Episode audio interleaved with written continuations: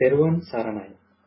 ඔබ මේ සවන් දීමට සූදානම් වන්නේ පූජ්‍යපාද අලව්වේ අනෝමදස්සී ස්වාමීන් වහන්සේ සමග ශ්‍රාවක පිරිසක් පැවැත් වූ පෞද්ගලික සාකච්ඡාවක පටිගත කිරීමකටය.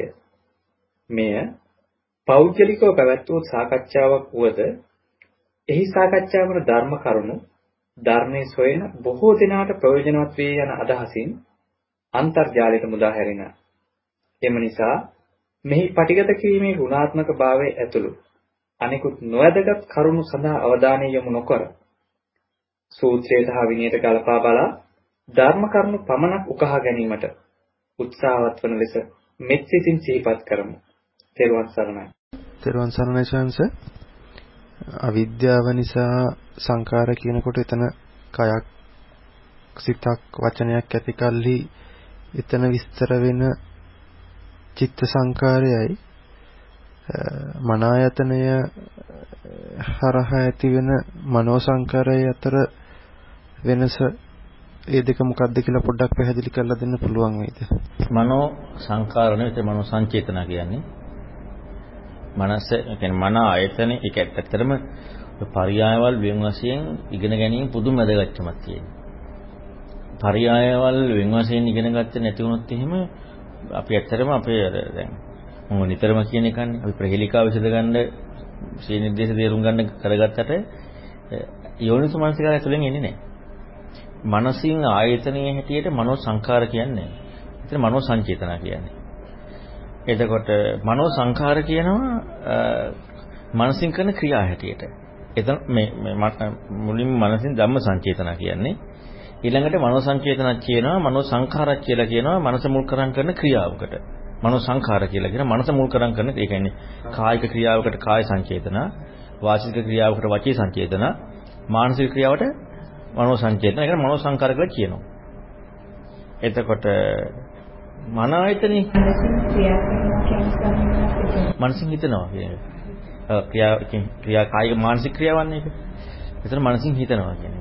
හැබැයි ධම්ම සංචේතනා කියනකොට මනසින් හිතනවා කියන එක නෙමෙයි. එක එක තව එකක්. ඒක පරියාය වෙන පරියායක්. ධම්ම සංචේතනා කියනකොට. මනෝ සංචේතනා කියනකොට එතන මනෝ සංකාර කරන මනසින් හිතනවා. එතකොට එතන පුජ්‍යල ක්‍රියාකාරීත්වය කාරෝඩ වෙලා ඉවරයි. මනෝ සංකාර, මනෝ සංචේතනා කියනකොට මනෝ සංචේතන අතර ආහාර කතා කරනකොට ගන්නවා. නමුත් විශේෂයෙන් මනෝ කර්ම හැටියට කතා කරනකොට එතන පුජ්‍යල සංචේතනාවක් ක්‍රියාත්මක වෙලා ඉවරයි.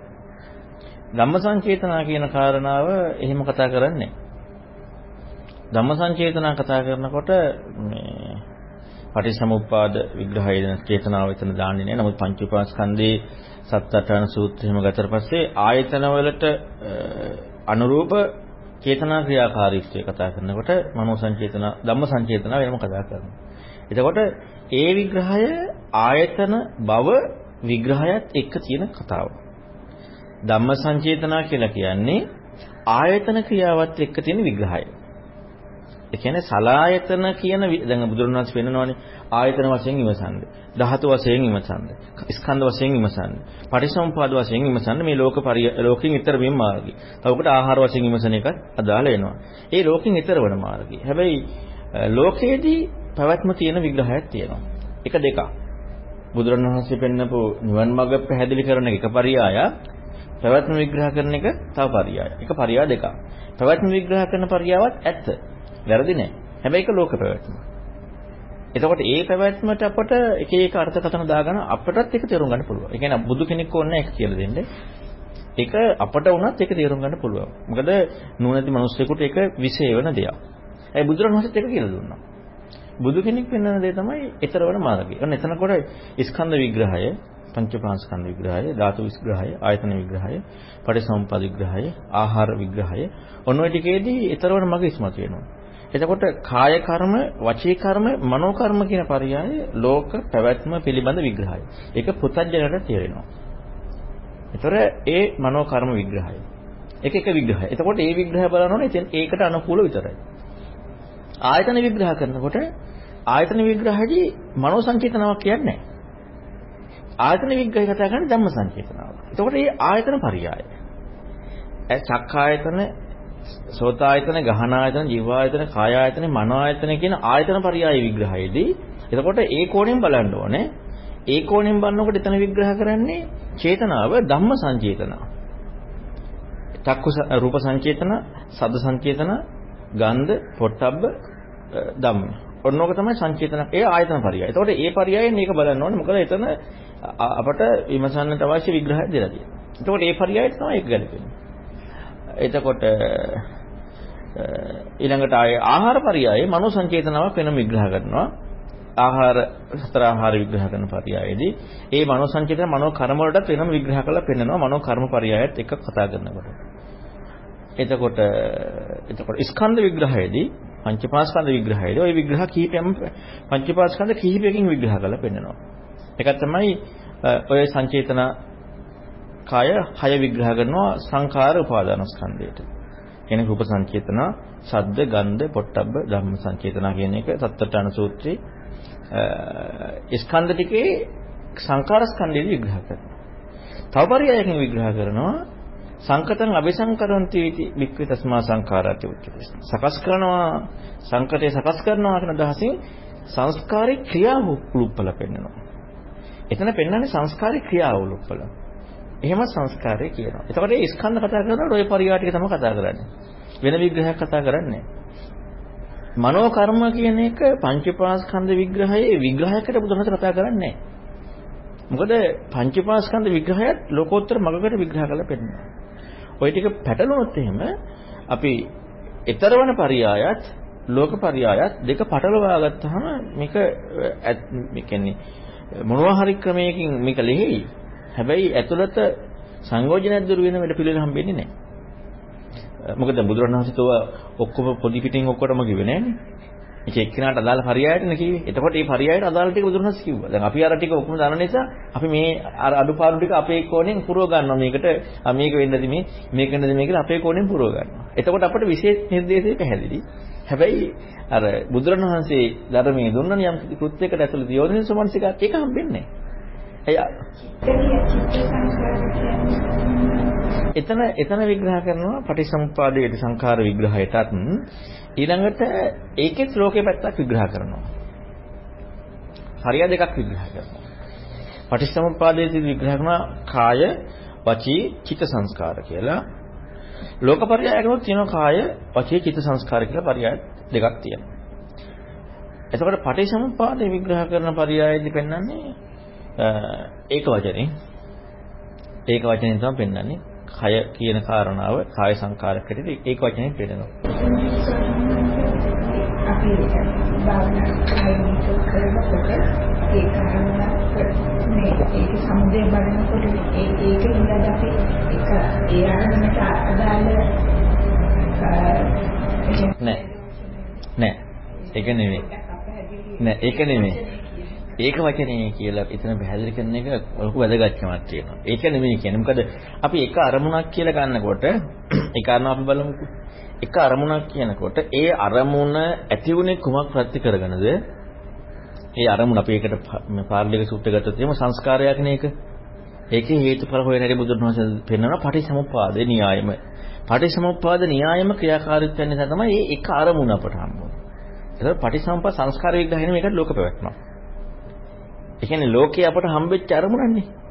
ඒ අරමුණ හම්බ වුණේ අවිද්‍යා සංකාර විඥාන නාම රූප සලආයතන ආදී ක්‍රියාකාරීත්වය නොදැකීමේ හේතුව නිසා. පටිසම්පද ඇතුළට එක දාගන්න බෑ. ඒක හම්බුනේ පටිසම්පද නොදකපු නිසා.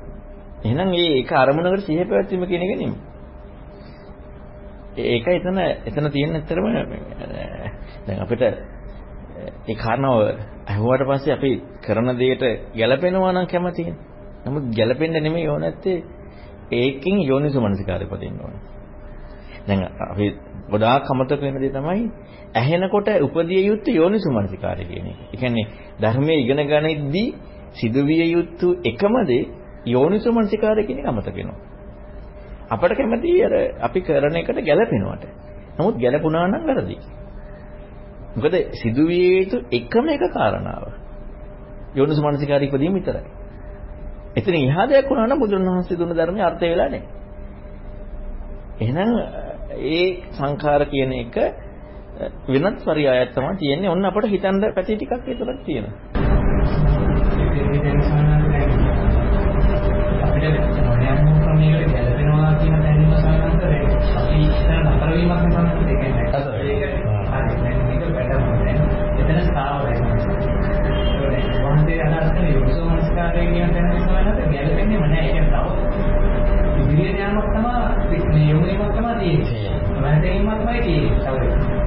දැන් වැටෙනවා කියන අපිට ගැලපෙනවා කියන්නේ ලෝක දැන් ලෝකය කියනකොට අපි හිතන්නේ පිටක් නේ පිට හිතන්නේ ලෝකය කියන්නේ අපේ ආයතන ලෝකය.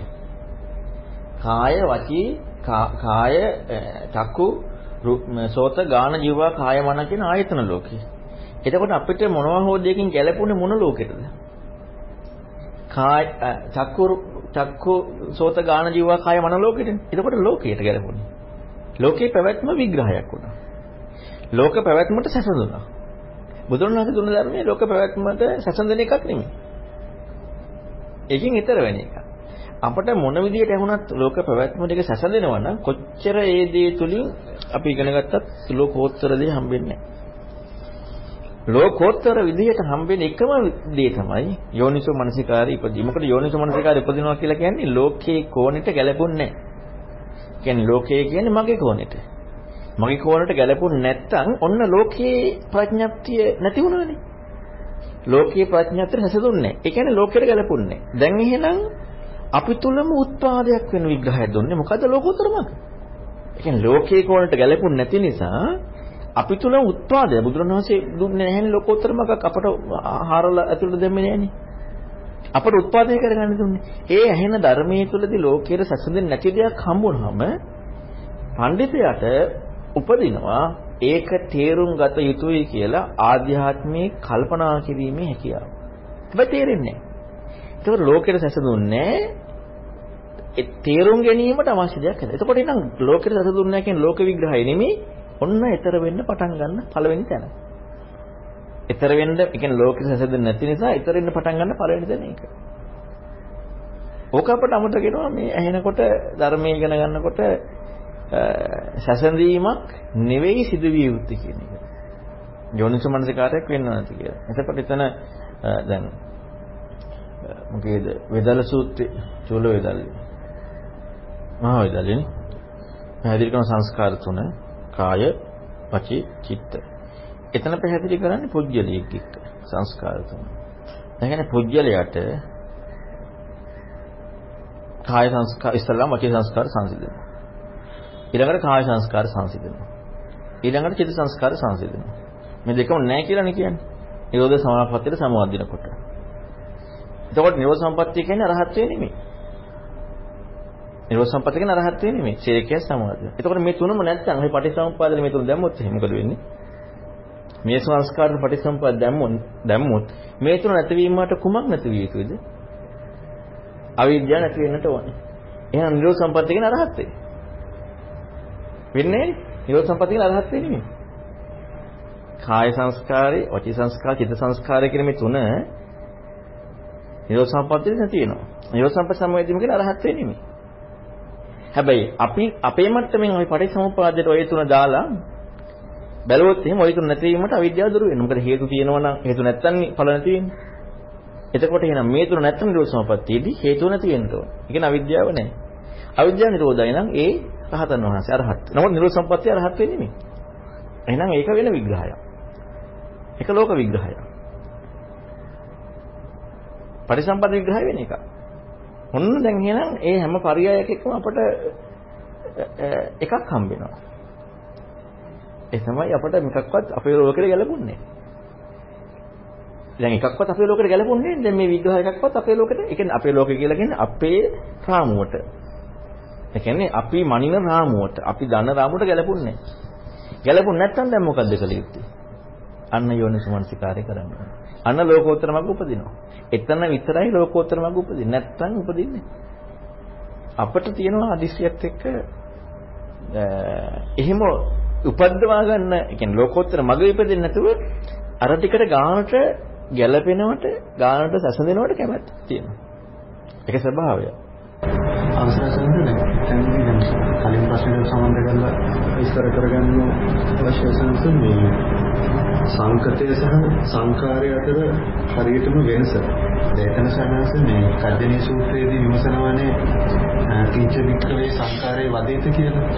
ඒ ඒ ඒ පෙරත් එක්කම පුළුවන් නම් සානස පොඩ්ඩක් මොකද ඒකට ඒ බුදුරජාණන් වහන්සේ දෙන උත්තරේදී තියෙනවා මේ සංරූපය සංකතයක් සඳහා සංස්කරණය කිරීම යන වගේ අර්ථයකින් පෙළේ තියෙන එක පොඩ්ඩක් විස්තර කරන්න.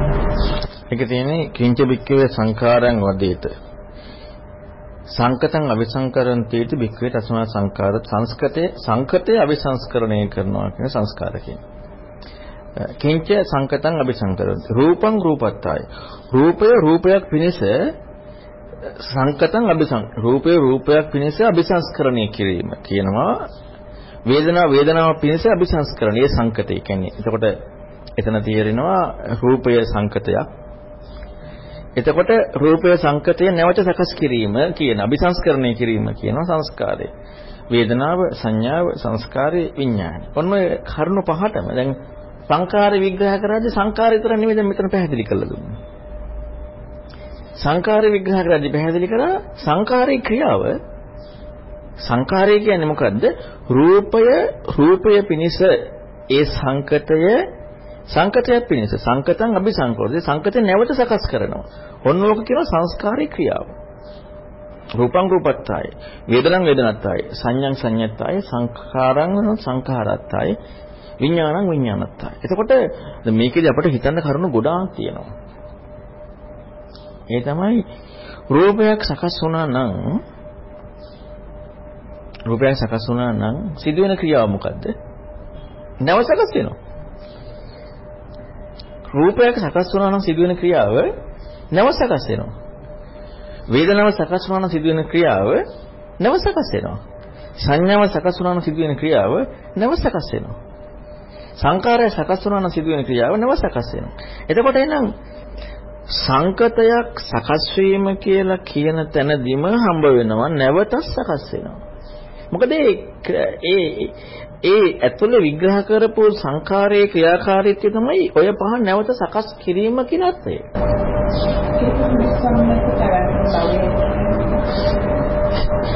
ඒක මෙතන දාගන්න හොඳ නැහැ.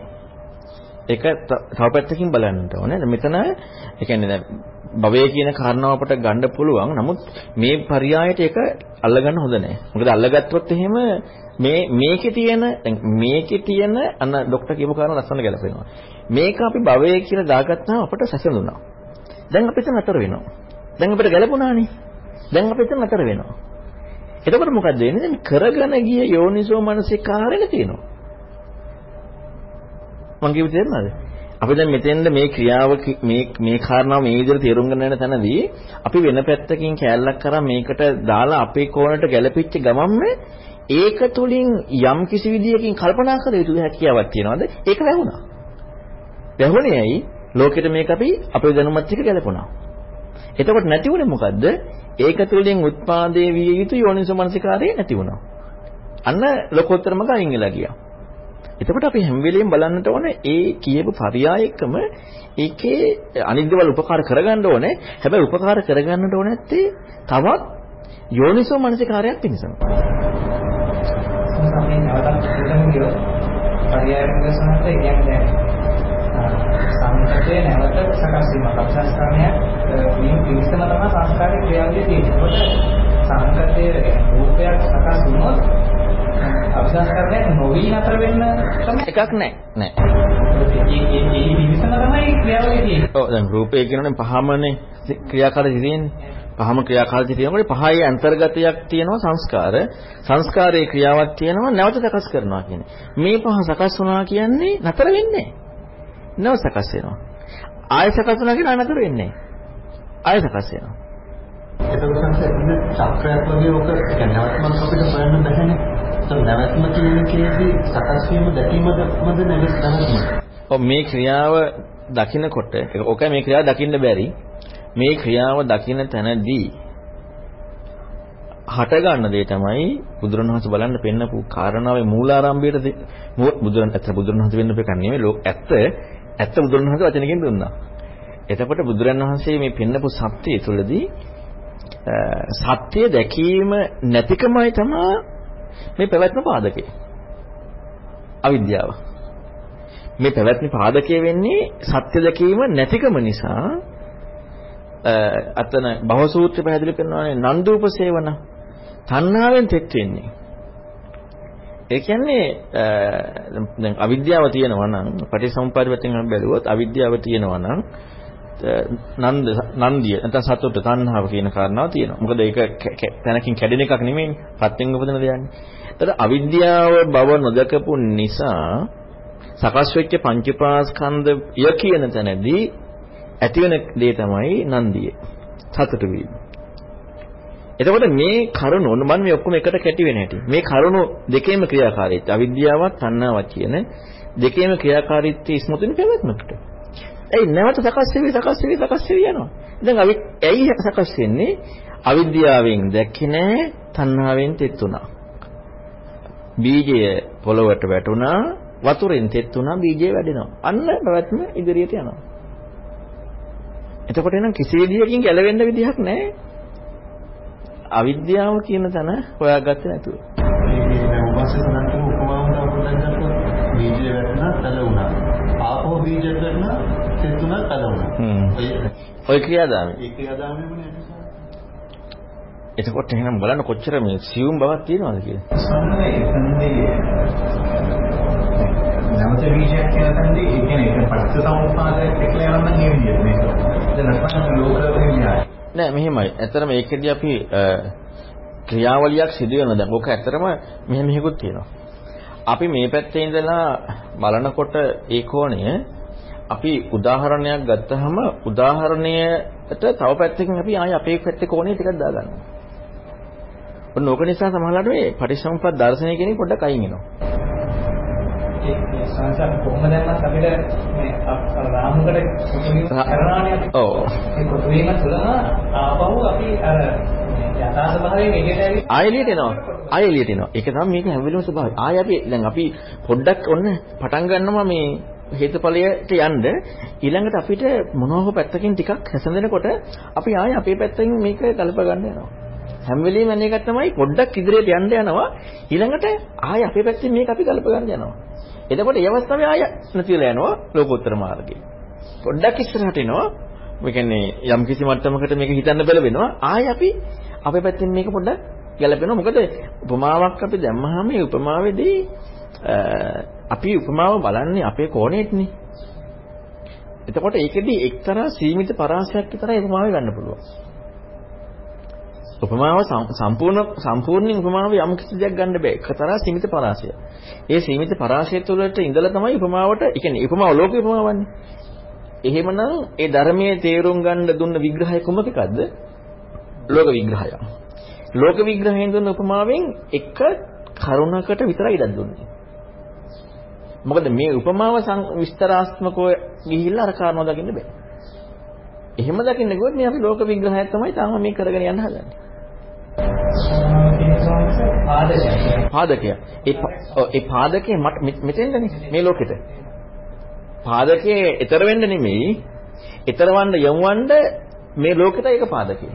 එතකොට මේ පාදක බව සම්පූර්ණයෙන් දාගන්න ගියොත් අපි ඊතරන මාර්ගය හම්බෙන්නේ මොකද තවත් අපි ගලප ගැනීමක් විතරයි. මොකද උපමාව වලින්ම ගලපෙලා ගලපෙලා ගලපෙලා ඒ ගලපුණේ අපටමයි. ඒ කොමාව පාදක වුණා. ඒ පාදක වීම තුළින් අපි ආපහු යොමු වෙන්න ධර්ම අන්න තියෙන. එතකොට පටිච්චසමුප්පාදය ආයේ මේ උපමාව ආයේ දාලා නැහැ. ඒ කියන්නේ උපමාව දුන්නේ පටිච්ච සමුප්පාද න්‍යායට යොමු වෙන්න මූලිකව අපේ ලෝකේ තැනකි. එතකොට යොමු වෙනනේ දුන්නේ. යොමු වුණාට පස්සේ ආයේ උපමාව අරන් හරියන්නේ නැහැ. ඒක ගැලපෙන්නේ නැහැ. ඒක සම්පූර්ණයෙන් අයින් කරන්න. මොකද ඒ උපමාව ආයෙ ගත්තොත් ආයෙත් අපි මේක ගලප ගන්න යන්නේ කොහෙටද? අපේ ලෝකෙටමයි. ඒ උපමාවෙන් අපිට ධර්මපරියායක් යම් කිසි මට්ටමකට ඉස්මතු වුණා නම් අන්න දැන් පටන් ගන්න ඕනේ එහෙනම් ඒ යෝනිසු මනසිකාරයම කරගෙන යන්න. ඒක සාමාන්‍යයෙන් දැන් අපි උපමාව පාදක කරගෙන ආපහු ධර්මපරියාය යොමුනවා කියන්නේ නැවතත් අපිට ගැළපෙනවා නම් ගැළපෙන්නේ කියන්නේ ගැළපෙනවා කියන අදහස් කියන්නේ අපිට යම් වචනකින් කියනවා නම් කියන්න තියෙන්නේ අර ධර්ම කොටසම තමයි. කියන්නේ පරිසම්පාදන ඒකම තමයි. ඉතින් කරන්නේ කියන්න බෑ. මොකද ඇත්තරම අපි අපි උපමාව කියන එක ගොඩාක් තේරුම් ගන්න උපමාව යමකට යොමු කිරීමක් විතරයි තියෙන්නේ. ඔක ගොඩාක් පැටලෙනවා. කියන්නේ අපි ආහාර උදාහරණ ටික ගත්තත් හැම උදාහරණයක්ම උපමාවකින් ඉස්මතු කරලා පෙන්වන්නේ අපේ කෝණයෙන් යමකට යොමු කරන්න. උපමාව ධර්ම කාරණාව නෙමෙයි. යමකට යොමු කරන්න දුන්නේ. යොමු කරාට පස්සේ ආ උපමාව දාලා නැහැ. ඒක අයින් කරන්න. මොකද ඒක අපට අර වචන ටිකෙන් විතරක් මේක දුන්න තේරුම් ගන්න බැරි නිසා බුදුරණස් උපමාවකින් දෙනවා අරකට යොමු කිරීම සඳහා. එතකොට උපමාව දාලා නැහැ. උපමාව අයින් කළාම දාන්න ඕනේ. ඊළඟට ධර්ම කාරණාව එක යන්න තියෙනවා. ඒක වචනයි ඒක ඒක චට්ටක් සංස්කාර කියවම සංස්කාර හැම එකක්ම ක්‍රියාකාරීත්වය එකක්. සංස්කාර ක්‍රියාකාරීත්වය තමයි සංස්කාර කියලා විග්‍රහ කරන්නේ ක්‍රියාකාරීත්වය. සකස් කරනවා කියන ක්‍රියාකාරීත්වයනේ. මොන පරියන් විග්‍රහ කරලා සංස්කාර කියන්නේ ඒ ක්‍රියාකාරීත්වය. ඊළඟට ඔකට කලින් අපි තව එකක් තේරුම් ගන්න ඕනේ. දැන් අද අපි කතා කරනවා මේ එකම තැනකට මේ ධර්මය අරයි යන්නේ කියලා. ඇත්ත. ධර්මය යොමු කරන්නේ නෙවෙයි මොකට. හැබැයි පරියා කීපෙකින් දෙන්නේ. අපි මේ හැම පරියායම එකක් කියලා කලපන්නේ ගොත් යොමු වෙන්නේ එකම තැනකට ඇත්ත. නමුත් පරියා කීපයක් නේ. අපි යොමු වෙන්නේ එක තැනකට කියලා හිතාගෙන පරියායවලුත් එකක්. මේ එකම පරියායම නෑ එහෙම එකක් නෙමෙයි. අපේ කෝණයට තේරුම් ගන්න දුන්න ඒ යම්කිසි කොටු කරපු රාමුවකින් බුදුන් වහන්සේ අර්ථය දුන්නා. ඒකට සංස්කාරය කියන එකේ ක්‍රියාකාරීත්වය එකම ක්‍රියාකාරීත්වය. හැබැයි ඒකේ අර්ථ ගන්නනවා දහම් පරයය මතු කරන බුදුරන් වහන්සේ යම්කිසි විග්‍රහයක් අදාළ දෙයට. ඒ කියන්නේ අදාළ දෙයට යම්කිසි විග්‍රහයක් පැහැදිලි කරනවා. පටිච්චසමුප්පාදේ සංස්කාර වලට යම් සීමාවක් දෙනවා. දැන් අපි දාගන්න ඔක්කොම ටික. නම් බුදුරණවහන්සේ යම් සීමාවක් දීලා තියෙන්නේ. මොකද වචනේ තේරුම් අරගෙන යන නෙමෙයිනේ දුන්නේ. දහම් පරයක් ඉස්මතු කරන්නනේ. ඒ කියන්නේ අපි අහලා තියෙන අර්ථය මත වෙන ධර්මය මත වෙන. ඔය දෙකම හම්බෙන්නට ඕනේ. එතකොට යම් වචනයක සීමාවකට කොටු කරලා අර්ථයක් ඉස්මතු කරන්න දුන්නා. ඒකෙන් දහම් පරයයන් මතුවෙන්නේ. එතකොට ඒ සංස්කාරයේදී යම් අර්ථ යම් මේ කොටසකට සීමා කරා. තව සංස්කාර විග්‍රහ කරනකොට තව කොටසකට සීමා කරනවා. ඒ එකයි මම අර මුලින් කිව්වේ ආයතන ඔස්සේ චේතනාකාය හය විග්‍රහ කරලා. එතකොට එතන සීමා කරා. මොකද එතන දුන්නේ යෝනිසුමනසිකාරය උපද්දවා ගැනීමටමයි. ඕක අපි හැම වෙලෙම මතක තියාගන්න ඕනේ. මේක දුන්නේ බුදුරණවහන්සේ ගැලපෙන් අපේ ලෝකෙට ගැලපෙන්න නෙමෙයි යෝනිසුමනසිකාරය ඉපදීමටයි. ඕකමද වුණොත් එහෙම අපි ආයෙ ආයෙ ගලපනවා. ආයෙ සසදනවා. ආයෙ අර ටික සම්බන්ධ කරලා ප්‍රහිලිකාව වශයෙන් ගන්නවා. ඒක වචනෙන් විග්‍රහ කර එකක් කියන එකනේ.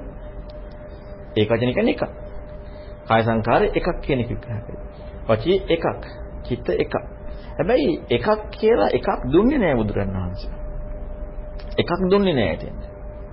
ඒ කියන්නේ දැන් ආස්වාද ප්‍රස්වාස ප්‍රත්‍ක්ක විචාර සංඥා වේදනා කියලා එකක් දුන්නේ නෑ. ඒක පෙන්නුවේ ඒක මූලික දේ නිසා. වේදන සූත්‍රය ගත්තාම පෙන්නුවේ කයකට ප්‍රතිබද්ධ මූලිකත්වය ඒක. හැබැයි ඒක නෙමෙයි ඔබට අන්තර්ගත කරේ. කායික කාය සංස්කාරයක් දැන් උදාහරණයක් ඔකට ගන්න හත්තු පාදම සූත්‍රේ අත ඔසවන්නේ ඇති කල්ලි. ඇති කල්ලි එසෙව්වා. දැන් කායික ක්‍රියාව කිව්වම ගොඩක් තියෙනවනේ. ගහනවා, මේවා කරනවා, කයින් ගොඩක් තියෙනවා. ඇති කල්ලි කියනකොට මෙතන තියෙන්නේ පුජ්‍යලයක් විසින් ඔන්න මං අත ඉස්සුවා කියන පුජ්‍යලයාගේ චේතනාව නෙමෙයි. ඒකට කියනවා කාය සංකාරය ඇටියට කායික කර්මයක්. දැන් කාය කියන්නේ කාය කර්මයක්. මම නිස්සුයි. මට ගෝචරයි. දැන් ඇති බව කියලා මම හිතුවොත් ඒත් මට ගෝචරයි මනෝ සංචේතනාවක්. මනෝ සංකාරයකි. චිත්ත සංස්කාරයකි. ඇයි දැන් ඔන්න කයක් ඇති බව. කයක් තියෙනවා කියලා දැන් මම හිතුවා. දැන් ඒක මොකටද හම්බුනේ? ඒක මේ අර මූලිකව පෙන්නපු කයක් ඇති බව කියන විග්‍රහය නෙමෙයි. මනසින් මනෝ සංචේතනාවක් කරා. ඒක තේරුණාද? ඒ කියන්නේ දැන් අපි හිතනවානේ ආයෙනම් මෙතන දැන් අපට තේරෙනවානේ දැන් කයක් ඇතයි කියලා ගත්ත නිසා නෙමෙයි උස්සන්නේ කියලා. එතකොට මේ දෙකක් නෙමෙයි. ඇති බව ගැනීම එකක්, උස්සන එක තව එකක්. ඒතර උස්සනවා කියන්නේ කායික ක්‍රියා, ඔක්කොම කායික ක්‍රියා. එතකොට ඒක පුජ්‍යලියක් මැදිහත් වෙලා හම්බෙන එකක්. එතකොට ඇති බව ගන්න කියන කාරණා දැන් උන අපට තේරෙනවා. ආ මේ කියන්නේ කයක් ඇති බව ගත්තා. එතකොට මේක මොකටද ආවේ? මනෝ සංචේ මනෝ මනෝ සංචේතනාව. ඒක කයක් ඇති බව ගැනීම නෙමෙයි ආවේ. කයක් ඇති බව ගත්තා කියලා මනෝ සංච. ඒකක් කවුද කරේ? ඒකත් මං කරේ. එතකොට ඒකත් නෙමෙයි කියන්නේ. ඇයි ඒකත් මමනේ කරන්නේ? දැන් මම මනසෙන් හිතන්නේ. එහෙනම් කයක් ඇති බව මගේ හිතීමක් නෙමෙයි.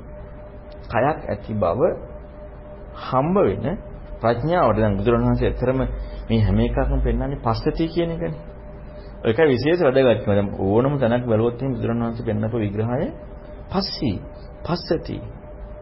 එතකොට අපි සරලව ගත්තොත් එහෙම මනසට පස්සී කරන්න බෑ. දකින්න බෑනේ මනසට.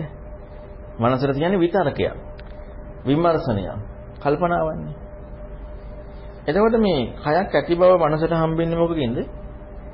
කල්පනාව. බුදුරණවහන්සේ කයක් ඇති බව පටිච්චසමුප්පාද විග්‍රහ කරේ පස්සී. විතක්කේ හිනෙමි පස්සී. ඒක තේරුම් ගන්න යෝනිසෝ මනසිකාරය කරන්න තියෙනවා. හැබැයි හරියට හම්බෙන්නේ මොකෙන්ද? දකින්න තැනදී.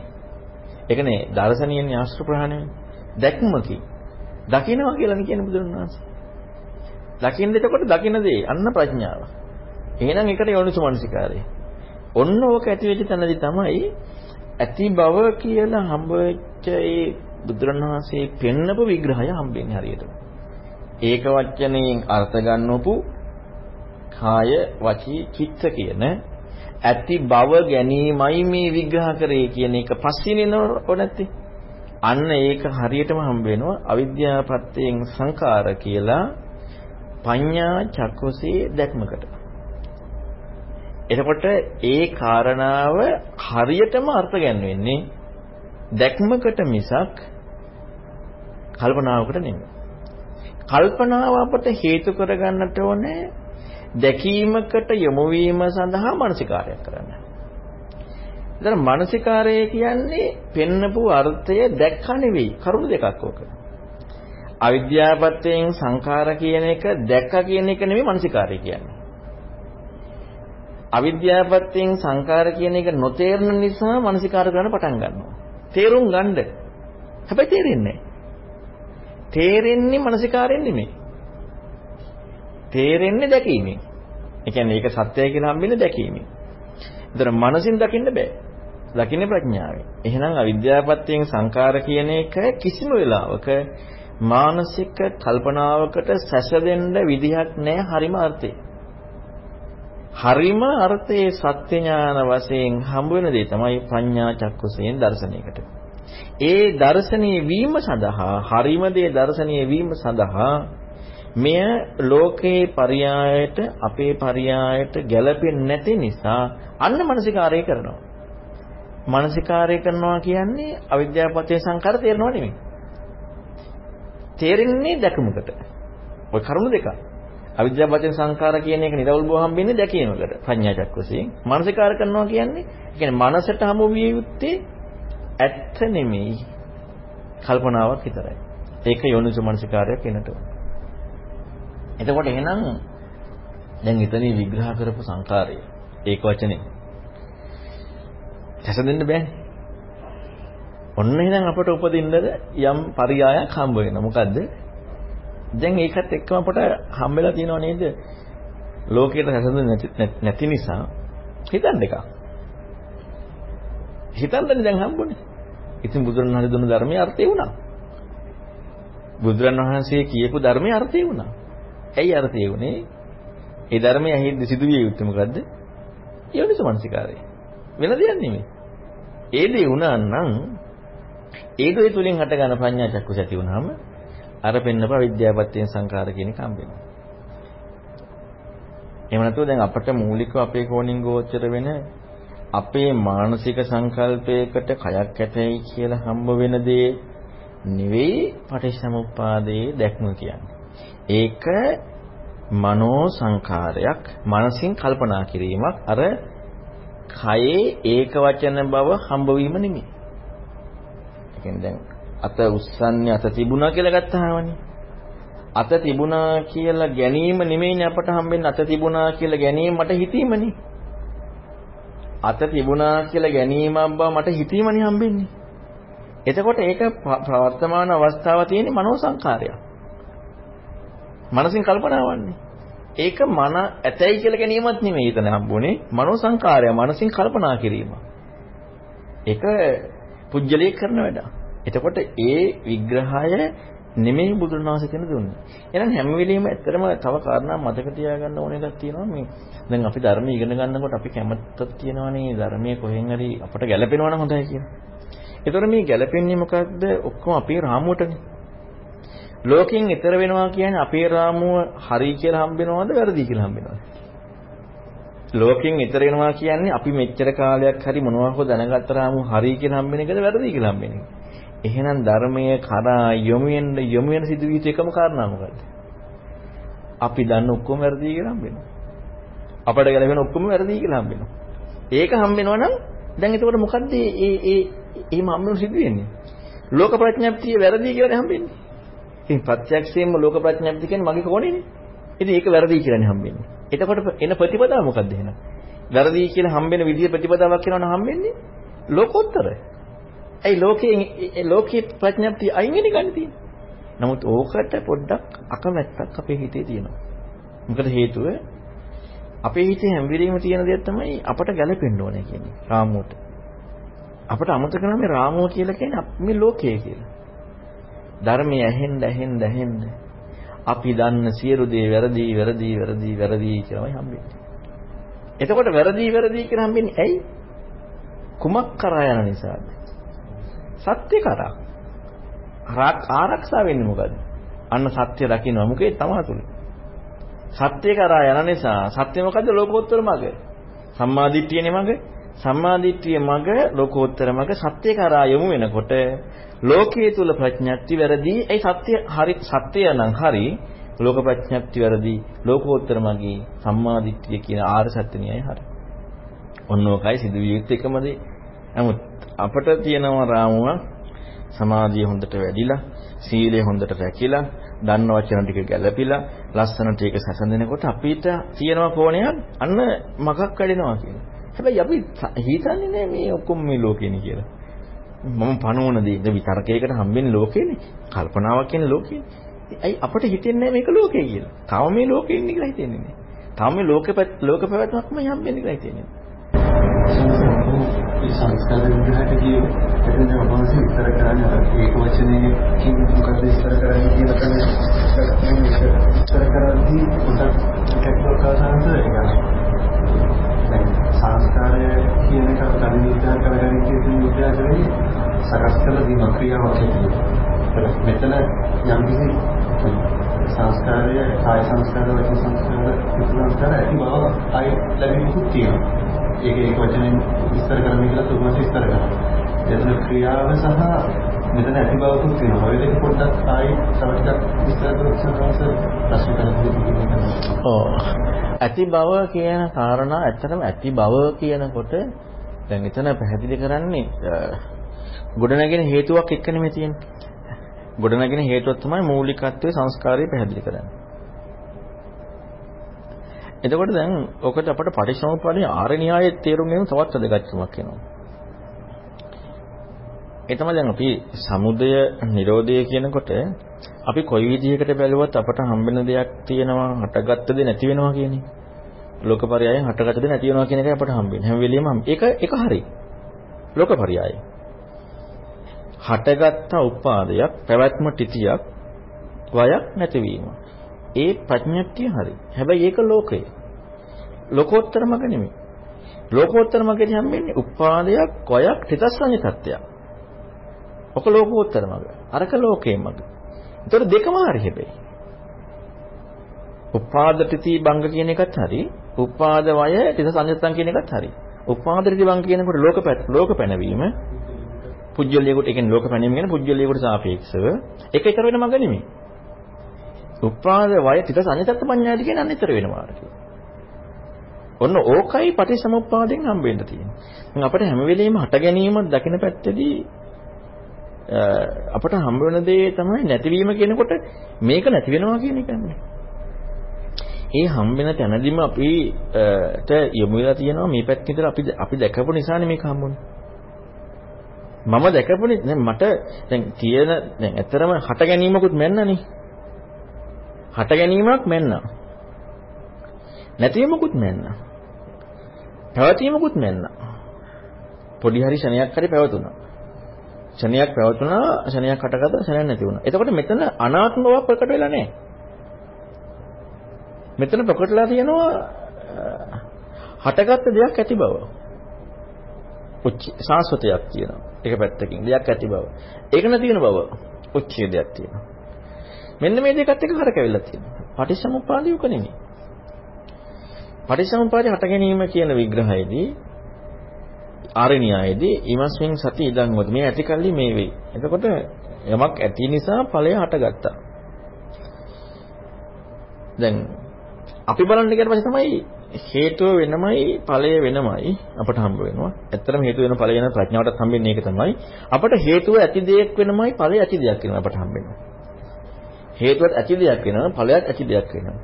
එතකොට අපි නැතිවීම කියන්නේ හේතු නැති බවෙන් ඵලය නැහැ කියලා අපි කල්පනා කරන්නේ. හැබැයි මොන ඵලයේද ඇති වෙච්ච ඵලය.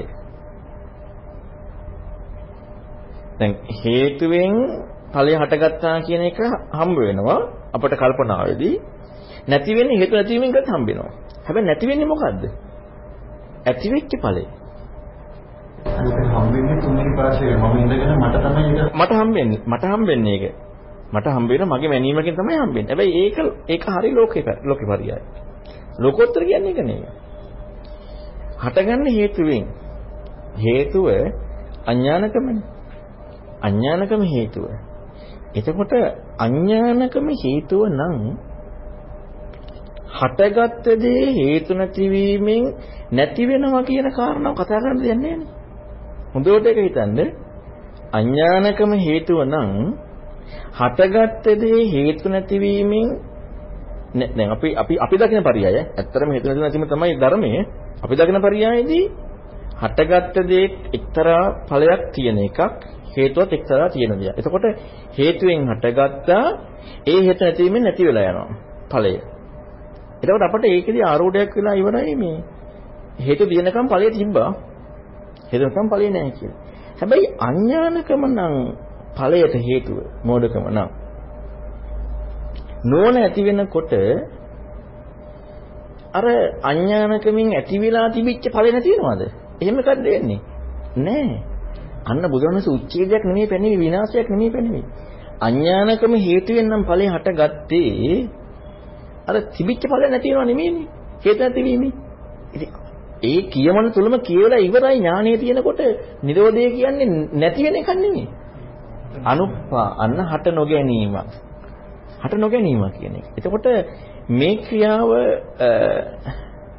නොදකීමෙන් පැවැත්ම තියෙන්නේ.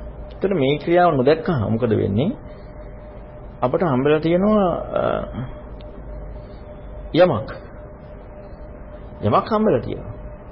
එතකොට යමක් හම්බ වුණාට පස්සේ අර සංස්කාරයේ ක්‍රියාව පෙන්වනවා සකස් සංකතය අවිසංස්කරණය කරනවා. සංස්කාරය කියාව සංකතය අවිසංස්කරණය කරනවා. ඒතර යමක් බව හම්බ වුණා නම් අවිද්‍යාවෙන් අවිද්‍යාවෙන් යමක් බව හම්බ වුණා නම් එතනින් හැර හිතන්නද යන්නේ සකස් වෙලා යනවා. අවිද්‍යාව තුලින් හටගත්ත බව නොදැක්කාට පස්සේ යමක් බව හම්බ වුණා නම් සංස්කාරයේ ක්‍රියාව සංකතය අවිසංස්කරණය කරන එක නම් එතනින් එහා කතා කරන්න දෙයක් නැහැ. එතකොට එහෙනම් අවිද්‍ය ඔන්න එතකොට ඔතන හිතන්න එකක් තියෙනවා. දැන් අපි ඊළඟට බෙදා ගන්න කියලා එහෙනම් මුලින්ම හටගත්ත දේ කියන ආයත් දාගන්න එකක් යනවා. එතනිත් අපේ හිතින් සිවුම කියලා ඉවරයි මුලින්ම හටගත්ත දෙයක් තියෙනවා. ඔන්න බලන්න අපි දෘෂ්ටියට නැහැටි. ඒ කියන්නේ මුලින්ම හටගත්ත සංස්කාරය කියන කාරණාව අපි ඇත්ත අපේ ලෝකෙට එක පොඩ්ඩක් හැසෙනවා පොඩ්ඩක් ගැලපෙනවා. මුලින්ම හටගත්ත සංස්කාරය. එතකොට මුලින්ම හටගත් සංස්කාරයේ ඊළඟට ආය සංස්කාර හට ගන්නවා කියන න්‍යායට අපි කාලය පැනවීමකට ගිහිල්ලා ඉවරයි කාලයේ ඉක්මවන පරිසම්පාද දර්ශනය කතා කරනකොට. ඒ කියන්නේ අපිට වාසිය පැහැදිලි කරපු දෙයක් තමයි කියන්නේ. අපිට හම්බෙන ලෝකයේ දේවල් නෙමෙයි අපි මේක සියුම් කරගෙන ඉන්න පංච උපාදානස්කන්ධයට ආවත් මේ විග්‍රහය ගත්තත් ඒ සත්‍යයට අනුගුණා නම් අහුවෙලා තියෙන්නේ අපෝකල්. ඔව්. ඒ කියන්නේ අපි කිව්වට මේක කාලයකට ඇති නෑ කියලා ඇයි අපි අපි කියන කාලයට අයිති නෑ. ඒතර මූලික සංකාරය ඊට පස්සේ අනිත් සංස්කාර කියනකොට මේක දෙකක්. අපි කිව්වට කාලයකට අයිති නෑ කියලා වචනෙන් මූලික සංස්කාරය ඔන්න මුලින්ම හටගත්තා. ඊට පස්සේ කියන්නේ කාලයක් ගිහිල්ලානේ. ඊට පස්සේ කියන්නේ කාලයක් ගිහිල්ලා ඒ බුදුරණවහන්සේ පටිසම්පාද අංග 12 විග්‍රහයේදී හම්බ වෙන්නේ මොකද්ද? ඔය කාලක්ෂය ඉක්මන එක. හැබැයි අපිට හම්බෙන්නේ අපි කොහොම හරි බෙදලා බලනකොට අර ඈත අතීතයත් එක්ක ආව දීර්ඝ පරාසයක බෙදලා බෙදලා බෙදලා බෙදලා බෙදලා සිවුම කරලා මේ මොහොතට අරගෙන මේ මොහොතේ බෙදන්න පටන් ගන්නවා. ඒකවල කොහෙන් ගියත් අපි මනිනවනේ අපේ කෝණෙන් එම. කොහෙන් ගියත් මනිනවා. එක හැටි ඒකයි අපි හැම වෙලෙම ආයෙත් අයින් එන්නේ. ආ නැත්තම් ඉතින් මේ අපි දන්න දැනිල්ලට අපි යන්න එපා මේ කඩාගෙන රොදවන්න වෙලා නිවන් කියලා යන්නේ. අස්මානයේදී නෙමෙයිද සමනසික නැති වෙන්නේ. නැති වෙන්නේ ඒක ඇත්ත. නමුත් මේ ක්‍රියාව දැකීම දැකීම දැන් දැකීමෙදිත් එද නැති වෙන්නේ නැහැ. දැකීමෙදිත් අපි වන්න මූලික සංස්කාරය ඊට පස්සේ නිස්සංස්කාරය. ඒකට අපි මේක කාලාත්‍රයක් නෙමෙයි කිව්වට මූලික සංස්කාරය ඊට පස්සේ සංස්කාරය කියනකොට කාලත්වය ගිහිල්ලා. ඒකට අපි පරිසම්පද දැක්ක කාලත්වයකටනේ. අපිට රූපස්කන්ධයක් සම්පූර්ණ ඒ සියලු රූපස්කන්ධය තමයි හටගත්ත දෙක නැතිවම තමයි අපි ඒත් බලන්නේ. බලන්න යන්නේ. රූපස්කන්ධය හම්බ වෙනකොටම දැන් අපිට හම්බුනේ සකස් වීම නෙවෙයි. හටගත්ත රූපස්කන්ධය. ඒකට එතනම පිළිගන්නේ. තියෙනදී. තියෙන රූපේ තමයි හම්බුනේ. තියෙන රූපෙ. ඒතකොට අපි හැබැයි ඒක දානවා අවිද්‍යාවෙන් තියෙන කියලා. අවිද්‍යාවෙන් තියෙන්නේ රූපය ඊළඟට ඒකෙන් සකස් වෙනවා කියලා අපි දානවා. හැබැයි ඒක දැන් අපි හරියට අපි අවංක වුණොත් අපිට අපි අපි තුලින් බලාගෙන ගියොත් අපි දාලා ඉවරනේ ඊළඟට සකස් වෙනවනේ කියලා. එතකොට අපි මේ පටිසම්පාද විග්‍රහයේ මූලික සංස්කාරයට මේ මූල සංස්කාරය කියලා දාලා එතනින් එහා ක්‍රියාකාරීත්වයට ඊට පස්සේ කියලා දැම්මහම අපි නෑ මේක කාලය නෑ මෙහෙමයි තියෙන්නේ. කාලය නෑ මෙහෙමයි තියෙන්නේ කිව්වට අපේ කියවන තුල කාලය කියලා ඉවරයි. අන්න බලන්න බුදුරණවහන්සේ ඒ ඒ විදිහට කිව්වේ නෑනේ. බුදුරණාහි කිව්වේ නැහැ මූලිකව සංස්කාරට ගත්තා ඊට පස්සේ මේ ඒ කියන්නේ ඒ විග්‍රහයේදී ඊට පස්සේ කියන එකක් දුන්නේ මේ ඇතිකල්ලි මේවේ මේ ඇතිකල්ලි මේවේ මේ ඇතිකල්ලි මේවේ හැම විග්‍රහයකටම. එතකොට ඒකෙදී අපි අපට ඇත්තටම ප්‍රඥාවෙන් මේක දර්ශනයක්. ඒක ප්‍රඥා දර්ශනීය සහ අපේ මානසික ඒක මානසික මානසික කල්පනාව නෙමෙයි. ඒතර මානසික කල්පනාව කියන්නේ පැත්තක ඉඳලා මේ කල්පනා කරන්නේ. ඒතර ඒකට ඒකට කොහොමවත් මේක හම්බෙන්නේ නැහැ නේ. දැන් මේ කියන්නේ සම්මත විතර්කයකට තමයි දැන් මේ යන්නේ. මේ විතරකයකට යන්නේ. ඒ ඒ කියන්නේ විතර කල්පනාවක්. ඒ කල්පනාවට මේක හම්බෙන්නේ නැහැ නේද මොකද මේක මේක තියෙන දැක්මකට. අපට ඇත්තටම ඔන්න තව අර මං කලින් කියපු කාරණාව එකක් වෙනවා. ඒ තමයි ආයෙත් ඔන්න අපි ගලපගත්ත කෝණේ වැරදි කියලා හම්බුනවා. එතකොට අන්න එතන මගේ හම්බ වෙනවා. ඒ දැන් ආයෙත් මේ මගේ ප්‍රඥාවත් වැරදි කියලා හම්බුනේ. දැන් ඔන්න අපි තේරුම් ගන්න හිටියක් යම් කිසි පරියායක්. ඒකත් වැරදි කියලා හම්බුනවා. ඒකෙන් සතුටකට නෙමෙයි යන්නේ අපි ගොඩක් වෙලාවට අතහරිනවා. හැබැයි අපි හරියට දැනගත්තොත් ඕකයි ලෝක ප්‍රඥප්තිය ඉක්ම වෙන මඟ කියලා. ඒ සත්‍ය ඇහෙනකොට සත්‍යයට යොමු වෙනකොට අර්ථය ගන්නවා. ඒ කියන්නේ සත්‍යයේ ඒ බුදුරණවහන්සේ දුන්නම අර්ථය ගන්නවා. බුදුරණවහන්සේ දුන්නම අර්ථය ගන්නකොට අනර්ථය අතහැරෙනවා. ඔන්න අත්තං ගන්නාති අනත්තං රිංචති. බුදුරණවහන්සේ දේශනා කරන ධර්මය අහනකොට අහන්න කියනවා අර්ථය අරගෙන අනර්ථය අතහරින්න. දැන් බුදුරණවහන්සේ ධර්මයේ කියද්දි අනර්ථයක් කියලා නෑනේ. එහෙනම් බුදුරණවහන්සේ මොකටද ධර්මයේ කියන්නේ? අනර්ථයකුත් කියලා නෑ. හැබැයි බුදුරණවහන්සේ ධර්මය අහනකොට කියනවා අර්ථය ගන්න අනර්ථය අතහරින්න කියලා. ඒතකොට ඒකත් ගැලපෙන්න ඕනේ නේ. අනර්ථය මොකද්ද? අපි තේරුම් ගත්ත දේ. බුදුරණවහන්සේ දුන්න අර්ථය කරා යනකොට මොකද අතහැරෙන්නේ? අනර්ථය. අපි තේරුම් ගත්තනේ වැරද්ද. ඒක අතහැරුණා. ආයෙත් ඒකට යමු වෙනකොට ආයෙත් අර්ථය කරා යමු වෙනකොට ආයෙත් අතහැරනවා අනර්ථය. ඔන්න ඔය ප්‍රතිපදාව අපි තුල හම්බෙන්න ඕනේ. හැම වෙලෙම හම්බෙන්න ඕනේ. අර්ථය කරා යමු වෙනකොට අනර්ථය අතහැරෙනවා. අර්ථය කරා යමු වෙනකොට අනර්ථය අතහැරෙනවා. අනර්ථය කියන්නේ අපේ අපේ ලෝක ප්‍රඥාත්තියෙන් දාගත් ලෝක විග්‍රහය. කියන අපට ලෝක විග්‍රහ කියන අපට ගැළපෙන ටික. අන්න ඒක අතහැරෙනවා. ඒ ප්‍රතිපදාවෙන් සත්‍ය කතාව එන්නේ. ඒ කියන්නේ මිනිස්සු මනසිකාරය. යෝනිස මනසිකාරය. අනිත් පැත්තෙන් යෝනිස මනසිකාරය. ඒක ඉදිරියට යන්න යන්න යන්න යන්න සත්‍ය ඒ ආකාරයෙන් දකින්න. එතකොට ඒ දැකපු සත්‍ය අර වචන ටික විතරයි. ඉතින් එහා දෙයක් කතා කරන්න බෑ. ධර්මයේ සාකච්ඡාව ශ්‍රවණය ශ්‍රවණය කියනකොට නම් අපි ඇත්තටම අපි හිතන ගතිය අඩු වෙන ශ්‍රවණයේදීත් ඔක වෙනවා. මොකද අපි ඇහෙන කොටත් අපේ කෝණයට සැසඳෙන්නේ නැති ගතිය එනකොට ඔන්න හම්බ වෙනවා. සාකච්ඡාවේදී මේක ප්‍රබල වැඩි. මොකද හේතුව එතකොට කතා කතාවේදී මේ සාකච්ඡා කරනකොට ඉස්මතු වෙනවනේ කරුණු එක එක දේවල්. එතකොට මේ සංස්කාරය කියන්නේ සංකතය කියන ක්‍රියාව සංකත බව. සංකතයේ ලක්ෂණ තුනක් තියෙනවා. උපාද සංකතයේ ලක්ෂණ තුන. උපාද ප්‍රතිභංග කියන්නේ ලෝකේ ලක්ෂණ තුන. අපි ඒකට වචනේ සංකත කියලා දාගත්තට වැඩක් නැහැ. සංකත බව හම්බෙන්නේ සීකයට. ඒ කියන්නේ සංකත බව හම්බෙන්නේ සීකයට. අනික් කෙනාට සංකත බවක් හම්බෙන්නේ නැහැ. අනික් කෙනාට හම්බෙන්නේ සාස්වත බව. අන්න බලන්නකො අර විග්‍රහයේදී. දැන් අර සංඛාරය ඊට පස්සේ සකස් වෙනවා.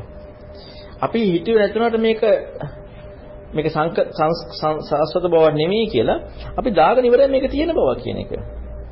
කාලත් එක්කට අපි ගිහිල්ලා ඉවරයි. හැබැයි ඔන්න ඕක ඕක නැති වෙන්නේ සෝතාපන්න වීමේ දර්ශනයේදී. එතකන් අපිට තියෙනවා මේක තියෙනවා කියන එක. සේකයා දකින න්‍යායය තියෙනවා සංකත බව, උපාද පඤ්ඤායති, වය පඤ්ඤායති. මොකද දැන් අපට ওই කර්ම දෙක යනකොට හැම වෙලෙම හටගත නැති වුණා කියලාමයි එන්නේ. හටගත නැති වුණා කියලාමයි. එහෙම කවුද දුන්නොත් කියලා නේ. හටගත නැති වුණා නෙමෙයි. හටගත නැති වුණා හරි ලෝකෙට.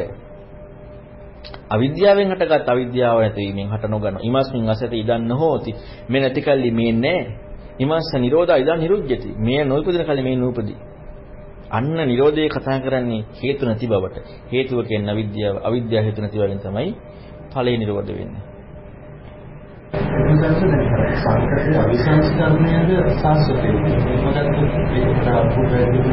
අවනේ ඒක ඇත්තරම ක්‍රියාව ඒක ඒක එතන සිදුවෙන වැඩපිළිවෙල ඒ වැඩපිළිවෙල හම්බෙන්නේ සීකයට. ඇත්තරම ක්‍රියාකාරීත්වය පැවැත්මක් සීකයට හම්බෙනවනේ.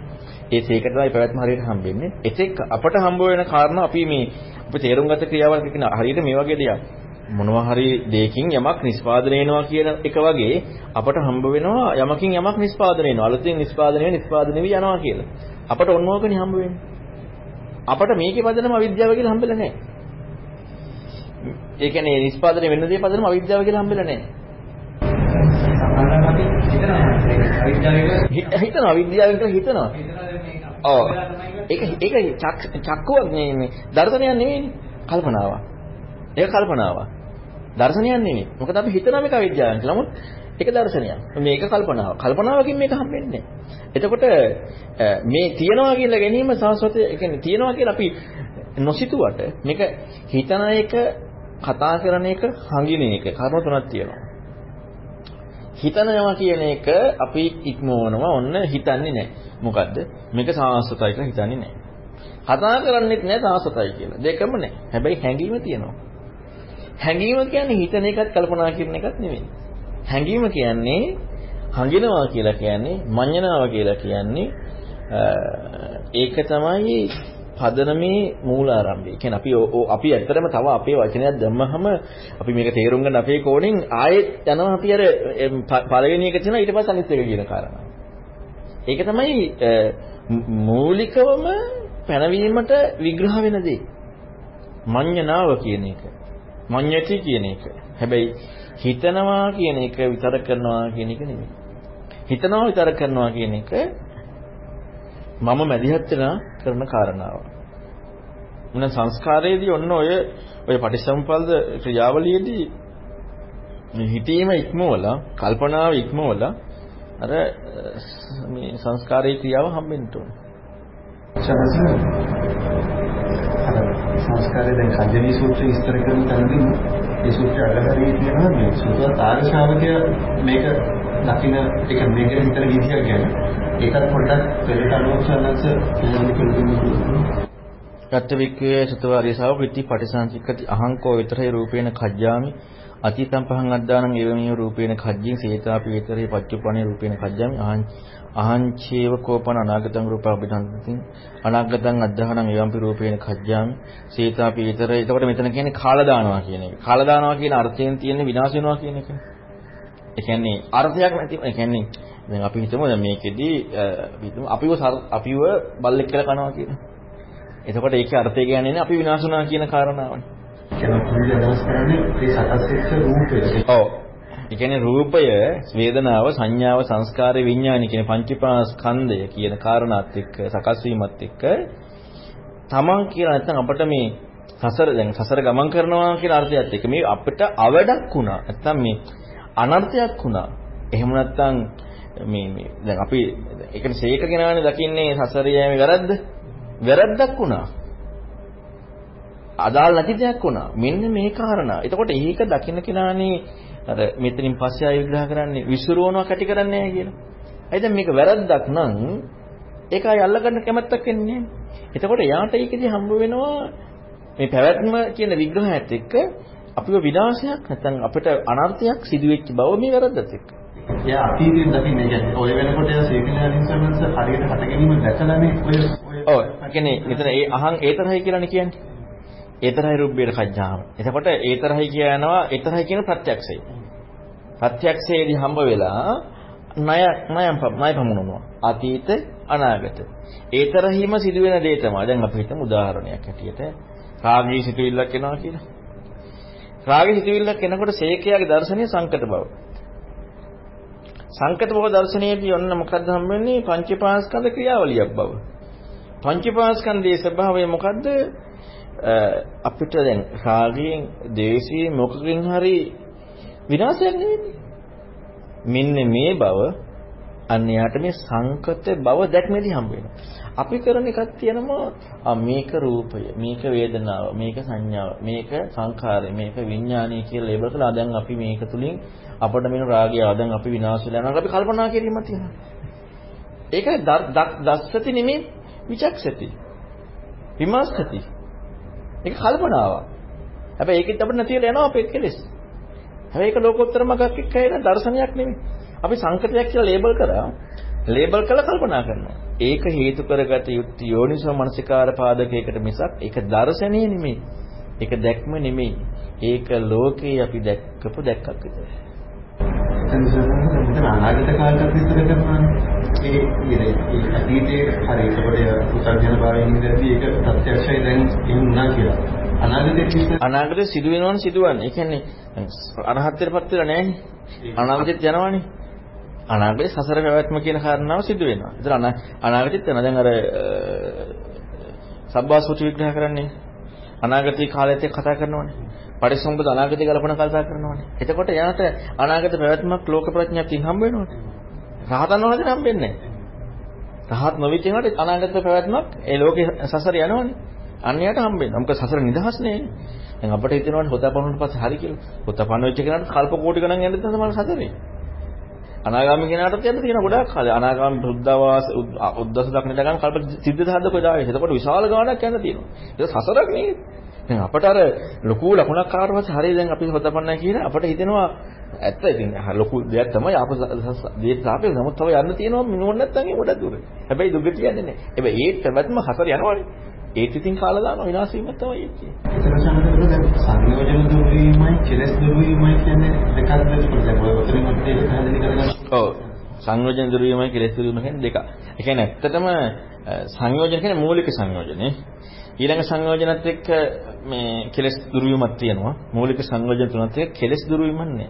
ඒක ඇත්තටම සෝපාදි සෞපාදි ශේෂදක සූත්‍රයේදී මේ බුදුරණවහන්සේ අර කෙලස් දුරු කරපු කෙනා නිර යනවා කියලා අන්නයි කියවට පස්සේ බුදුරණවහන්සේ ඒකදී ප්‍රකාශ කරනවා නෑ එහෙම යන්නේ නෑ කියලා.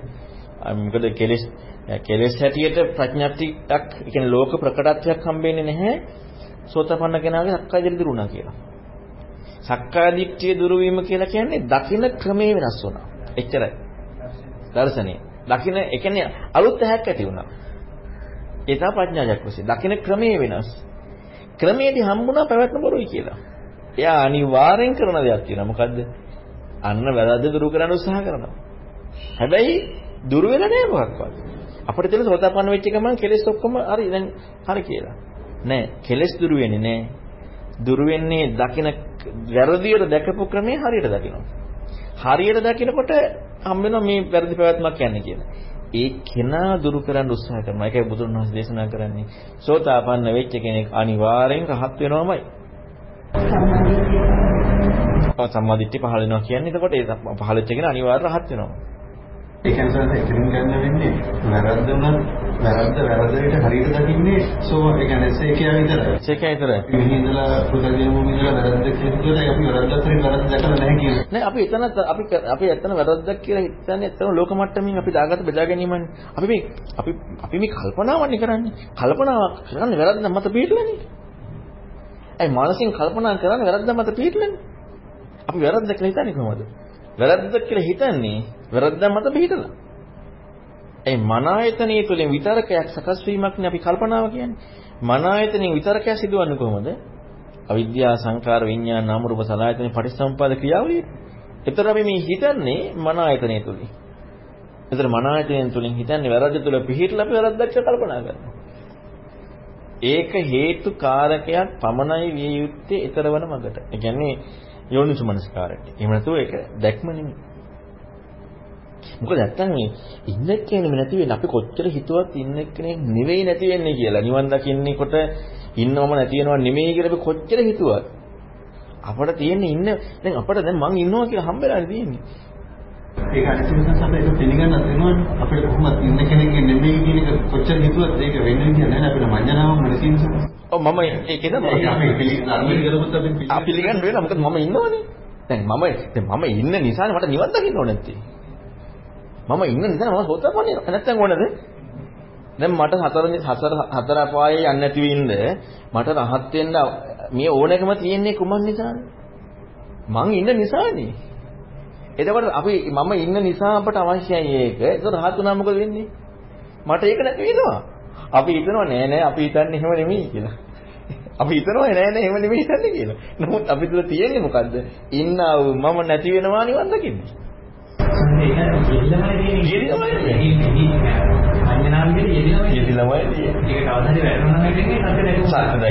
එතකන් අපි තුල තියෙන්නේ ඉන්නා මම නැතිවීමයි නිවන් දැක්ම කියලා කියන්නේ අපි හිතුවේ නැති වුණාට අපි කියනවා නෑ නෑ එහෙම එකක් නෙමෙයි හේතු නැතිව නැති වෙනවා මම නැති වෙනවා නෙමෙයි කියලා කොච්චර හිතුවත් ප්‍රත්‍යක්ෂ වීමති. ඒ නිසානේ ඕනකම. අහ නැද්ද? දැන් හොතපන් වෙන්න ඕනේ නැත්තේ අය අපිට. දැන් අපට ඒ හොතපන් වෙන්න ඕනේ නැත්තේ. හතර අපාය නැති කරන්නේ නැත්නම් මේ හතර දුකෙන් නිදහස් වෙන්නනේ. වෙන මොකකටවත් නෙවෙයිනේ. ඇත්තම සිද්ධිය ඒකනේ. ඉතින් මම ඉඳලානේ දැන් මම දැන් මම සතර යවන්නක් මැතිකමට නෙවෙයි හොතපන් ඉන්න දන්නේ. රහත් වෙන්නේ ඒකටනේ. ඉතින් ඉන්නවම නැති කරන්නේ හදන්නේ. ඇ ප්‍රත්‍යක්ෂ ඒක. ඒ දර්ශනයක නෙවෙයි. අන්න ඒකයි කොච්චර ගණකට නම් යන්න යන්න තියෙන ධර්මයක් එක්ක. ඒක මූලිකව තියෙන්න ඕන. ඒක ඇත්තද? ඒක මූලිකව තියෙන්න ඕනේ. ඒක නැත්තම් බෑ. හැබැයි ඒක නැති වෙන්න ඕනේ සත්‍ය අහනකොට. අන්න ඒකයි වෙනස. ඒ ඉලක්කේ තියාගෙන යන්න බෑ. ඒ ඉලක්කේ එක තමයි එන්නේ. ඉලක්කේ එක එන්නේ. ආවට පස්සේ අපි දැන් එහුම්කන් දෙනවනේ මොකද්ද ආවට පස්සේ? දැන් අපි දන්න අපි දන්නවා සෝතාපන්න වුණොත් සසර යන්නේ නැහැ. ඒ කියන්නේ ආත්ම හතකින් නිදහස් වෙනවා දුගට යන්නේ නැහැ. ඒක ඒක කියලා දෙන්න පුළුවන් කාටද කියලා අපි දන්නවනේ. බුදුරණවහන්සේට. දැන් අපි මොකක්ද එනම් කළ යුත්තේ? බුදුරණවහන්සේ කිව්ව දේ අහන්න ඕනේ නේ. වෙන දෙයක් නෙවෙයිනේ. ඒක අහනකොට ඔය ඉලක්ක නැති වෙනවා. ඉලක්ක නැති වුණ නැත්නම් ඒක තාම අහලා නැහැ. ඒ ඉලක්ක නැති වුණ නැත්නම් තාම ඒක ඇහිලා නැහැ. ඒක ඇහිච්ච තැනදී අන්න පටන් ගන්න මේක. ඒක ඇහිච්ච තැනදී පටන් ගන්න මොකද්ද? ওই ඉලක්ක නැති වෙනවා. ඇයි මම කියලා යෙදෙන එක වැරදි බව හම් වෙනකොට මොකටද මම හොතපන්න කරන්නේ? මම කියලා යෙදෙන එක වැරදි බව හම් වෙනකොට මම නොයෙදෙන බව හම් වෙනකොට මොකටද මම හොතපන්න කරන්නේ? එතකොට ඒ ඉලක්කය සම්පූර්ණයෙන් අතහැරෙනවා. හරියටම බුද්ධ වචනේ ඇහෙනකොට. අන්න එකයි අන්න එයාට එතකොට කලබලේ නැහැ. ඇයි? සත්‍ය කරානේ යන්නේ. සත්‍ය කරා යන මිසක් වෙන දෙයක් බලාපොරොත්තුෙන් යනවා නෙමෙයි. බලාපොරොත්තුව තියෙනවා සත්‍ය.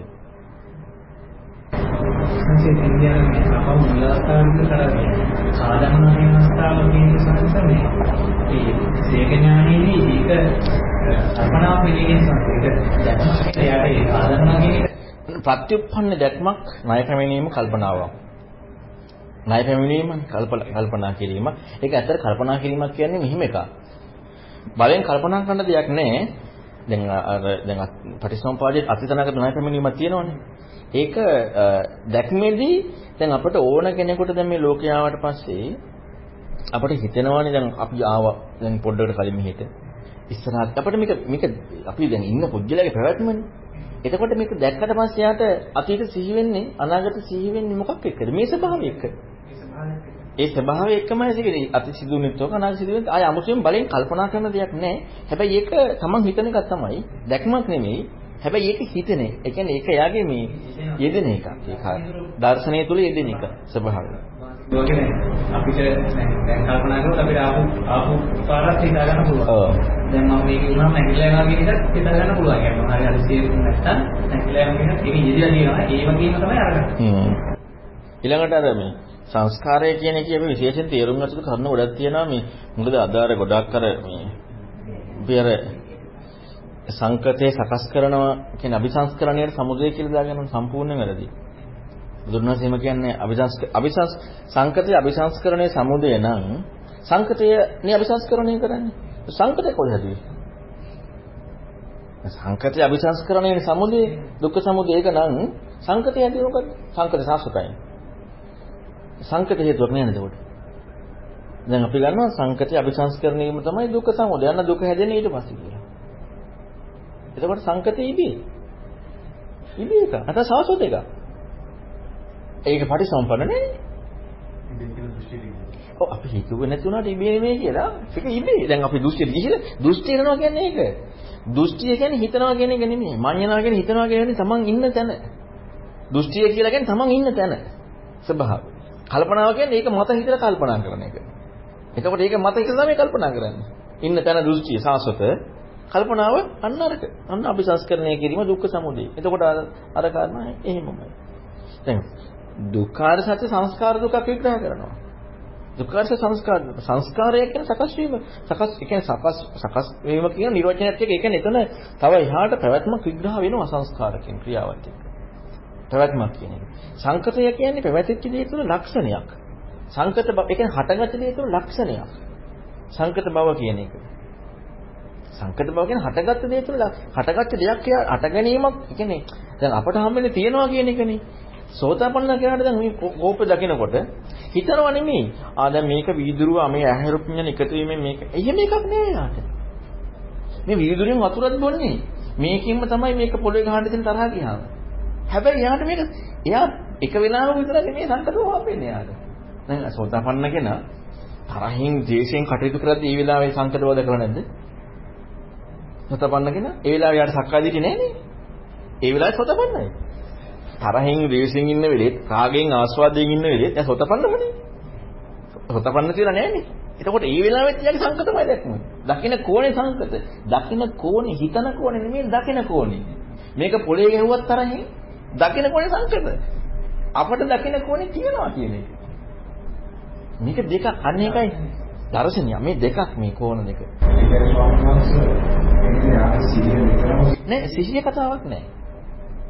සිහිය සිහිය පිහිටියොත් ඔය දේ කරන්න බෑ. ඒ කියන්නේ සිහිය පිහිටියොත් තරහින් කටයුතු කරන්න බෑ. ඒ සිහිය පිහිටියන්නේ. සිහිය පිහිටට පස්සේ තරහින් යුක්තව මේ පොට්ටෝලේ ගහන්න බෑ. මොකද යාට සිහිය පිහිටලා ඉතින් එයා ආයි දේශයට ඉඩ දෙන්න බෑනේ යාට. සිහිය පිහිටීම නෙමෙයි මේ කියන්නේ. එයාගේ දකින් ඒක තමයි මේක ඇත්තටම මේ හරි අමාරු මේක හිතන්න. දැන් අපි මේ විදිහට දැන් දැන් දැන් වර්තමානයේ අපි ඉන්නේ විදිහට දැන් අපි මේක දහම කියවලා මේක අදාළලා මේක සංගායනා කරලා සාකච්ඡා කරලා අහලා දැන් මේක දැන් අපි සෑහෙන මට්ටමකට අපේ මට්ටමින් පුරුදු කරගෙන යනවානේ. හැබැයි ඉතිම පුරුදු කරගෙන ගිහිල්ලා දැන් අපි මෙතන ඉඳලා ඇත්තම ආපහු මේ පැත්තෙන් බලුවොත් මේ ඔක්කොම තියෙනවා. තියෙනවා. අපි මොන දාන්නේ අපි කියනවා නේ අවිද්‍යාවයෙන් මෙහෙමයි මෙහෙම ඔක්කොම කියනවා. කියනවා හිතනවා. ඔව්. හිතන එකක් හිතනවා. ඒ හිතලා උනා ඒ වුණාට දැන් මෙතන මේ සාකච්ඡාව ඇතුලේ මේ ඉන්න කට්ටිය කිව්වා මම ඉන්නවා මට මේක වෙන්න. ඔව් අපිට අපි කාටවත් හිතේ කියන්න දෙයක් නැහැ. අපි කාටවත් නැහැ මේ මේ සංකත බවක් කියන කම දැක්ම. ඒකෙම කන්නේ අපි කාටවත් හිතන්නේ මහත්ය මට ඉන්න ඔයාලට මාව ඉන්න. අපිට ඒ බවමයි හැන්නේ. ඒක ඉදිරිය තියෙන්නේ. ඒක ඉදිරිය තියෙන්නේ. ඒකම අනිත් පැත්ත අනිත් පැත්තට අන්න ඒක. දැන් මේ ලෝකේ පැවැත්මනේ. අනිත් පැත්තට සෝතපන්න ගැන දකිනකොට ඒ දැක්ම නෙවෙයි තියෙන්නේ. යාගේ යෙදෙන්නේ නැහැ. ඒක යෙදෙන්නේ නැහැ. වෙන්න ඔව් ඒ කියන්නේ එයාගේ දකින කෝණ වෙනස්. හැබැයි දැක්කහම තරහ ඇති වෙන එක තියෙනවා. හැබැයි දකින කෝණේ වෙනස්. ඔන්නෝක ඒක අරේතර අත නැති උදාහරණය තමයි. අත නැති කෙනාට ඔන්න අත නැහැ කියලා සිහි කරලා දැත නැහැ දැනගන්නවා. අන්න ඒක හරියට සිහිය එළඹෙන අවස්ථාවට. සිහි කරලා දැත නැහැ දැනගන්නවනේ. ඒක හරිය සිහිය එළඹෙන අවස්ථාව අන්න රාගයවම එක දුරු කරගන්නවා. මොකද සිහිය එළඹුණා. අත නැහැ කියලාම දැනගත්තා. එතකොට අත නැහැ දැනගත්ත කියන්නේ අපි අතින් ක්‍රියාවක් කරන දනකොට සිහිය එළඹෙච්ච එක මං අත නැහැ කියලා හම්බුනහම ක්‍රියාව යෙදෙන්නේ නැහනේ. රාගින් කටයුත්තක් කරන හදනකොට සිහිය එළඹුණාම රාගය යෙදෙන්නේ නැහැ. ඒකෙන් අතින් ක්‍රියාවක් අත තියෙනවනේ. අන්න ඒක හරි. හැබැයි සිහිය නැතිලා අත නැහැ කියලා හැඟීමක් නැහැ. ඒත් අත නැහැ. දර්ශනේ ඔව්. දා අන්න දැක් මේකයි. ඒ සිහිය නැති වුණත් අත නැහැ කියන සිහියට නැති වුණත් අත ලියලා නැහැ නේද? අත තියෙනව නෙමෙයි. ඒත් අත නැහැ. අන්න ඒ වගේ තමයි සෝතාපන්න වෙච්ච කෙනාට එයාගේ දකින්න කෝණයක් තියෙනවා. සංකත බව. මෙතන මේ තියෙනවා කියන කෝප්පේ කියන එකත් එක්ක නෙමෙයි යට හම්බෙන්නේ. යට හම්බෙන්නේ දැන් හිතනවා නෙමෙයි. දැන් ඔන්න හටගත්ත කෝප්පේ ආ මේ වතුර ටිකින් ආ දැන් මම මේක බොනවා මේකත් මේ හේතුඵල ධාමින් හටගත්තේ. එහෙම එකක් නෙමෙයි. ඒ අපි හිතන එකක් තියෙන්නේ. දකින්න එක වෙන එකක්, හිතන එක තව එකක්. ඒක අපිට ඇත්තට හිතා ගන්න බෑ අපිට හිතා ගන්න අවශ්‍ය යන ප්‍රතිපදාව තමයි අර බුදුරණවහන්සේ ටික ටික ඉස්මතු කරලා පෙන්නන්නේ. ඒක සමහර අපට ආයතන සිද්ධා කරගන්නත් කියනවා. සෝතාපන්න කෙනයි, පුතර්ජන කෙනයි තමයි මේක අහුවෙන්නේ සංකතය සහ සාසතය කියන දේ. ඔව්. අபிසංකරණය කියන එක දෙන්නටම පොදුයි. පොදුයි. දෙනනම් පොදුයි. දැන් අපි ඇත්තටම පුතඥයාට අபிසංස්කරණය කියලා අපි විග්‍රහ කළා දුන්නට ඒක අපි දැන් ඒ කියන්නේ දහමත් එක්ක විග්‍රහ කළා දුන්නට ඒක ඇත්තටම එයාට අදාළ එකක් නෙමෙයි. ඔව් එයාට ඒක අදාළ එකක් නෑ. අපි අපි ඇත්ත නිසා අපි මේ කතා කරනවා. නමුත් ඒක අදාළ එකක් නෙමෙයි. වචන ටිකක් විතරයි. අபிසංස්කරණය කරන බව දැන් ඇත්තට මේක අර ඔන්නකයි තමාතුරෙන් දකිනවා කියන එක. අපි තමයි මෙතන දවන්නයි නාගාම රහත් අපි කටේ ඔක්කොම පුතජන කියලා. එතකොට එහෙම අපි හිතලා දැන් අපි හිතමු දැන් සෝතපන්න වෙච්ච එකනයි අනාගාම වෙච්ච එකනයි කියන්න හදනවා මේ මේ කැට්ටියන්ගේ නෑ ඒක මේ තමාතුලින්ද බලන්න තියෙන්නේ. දැන් අපි කියනවා අරයාගේ සංගත ක්‍රියාව. නේ එහෙම දෙන්නේ නෑ. ලයිස් මහත්තයා හොතපන්නලා මෙයාගේ සංගත කියලා කියන්න බෑ ලයිස් මහත්තයා. එයාගේ ලයිස් මහත්තයා සංගත බව හම් වෙනවා.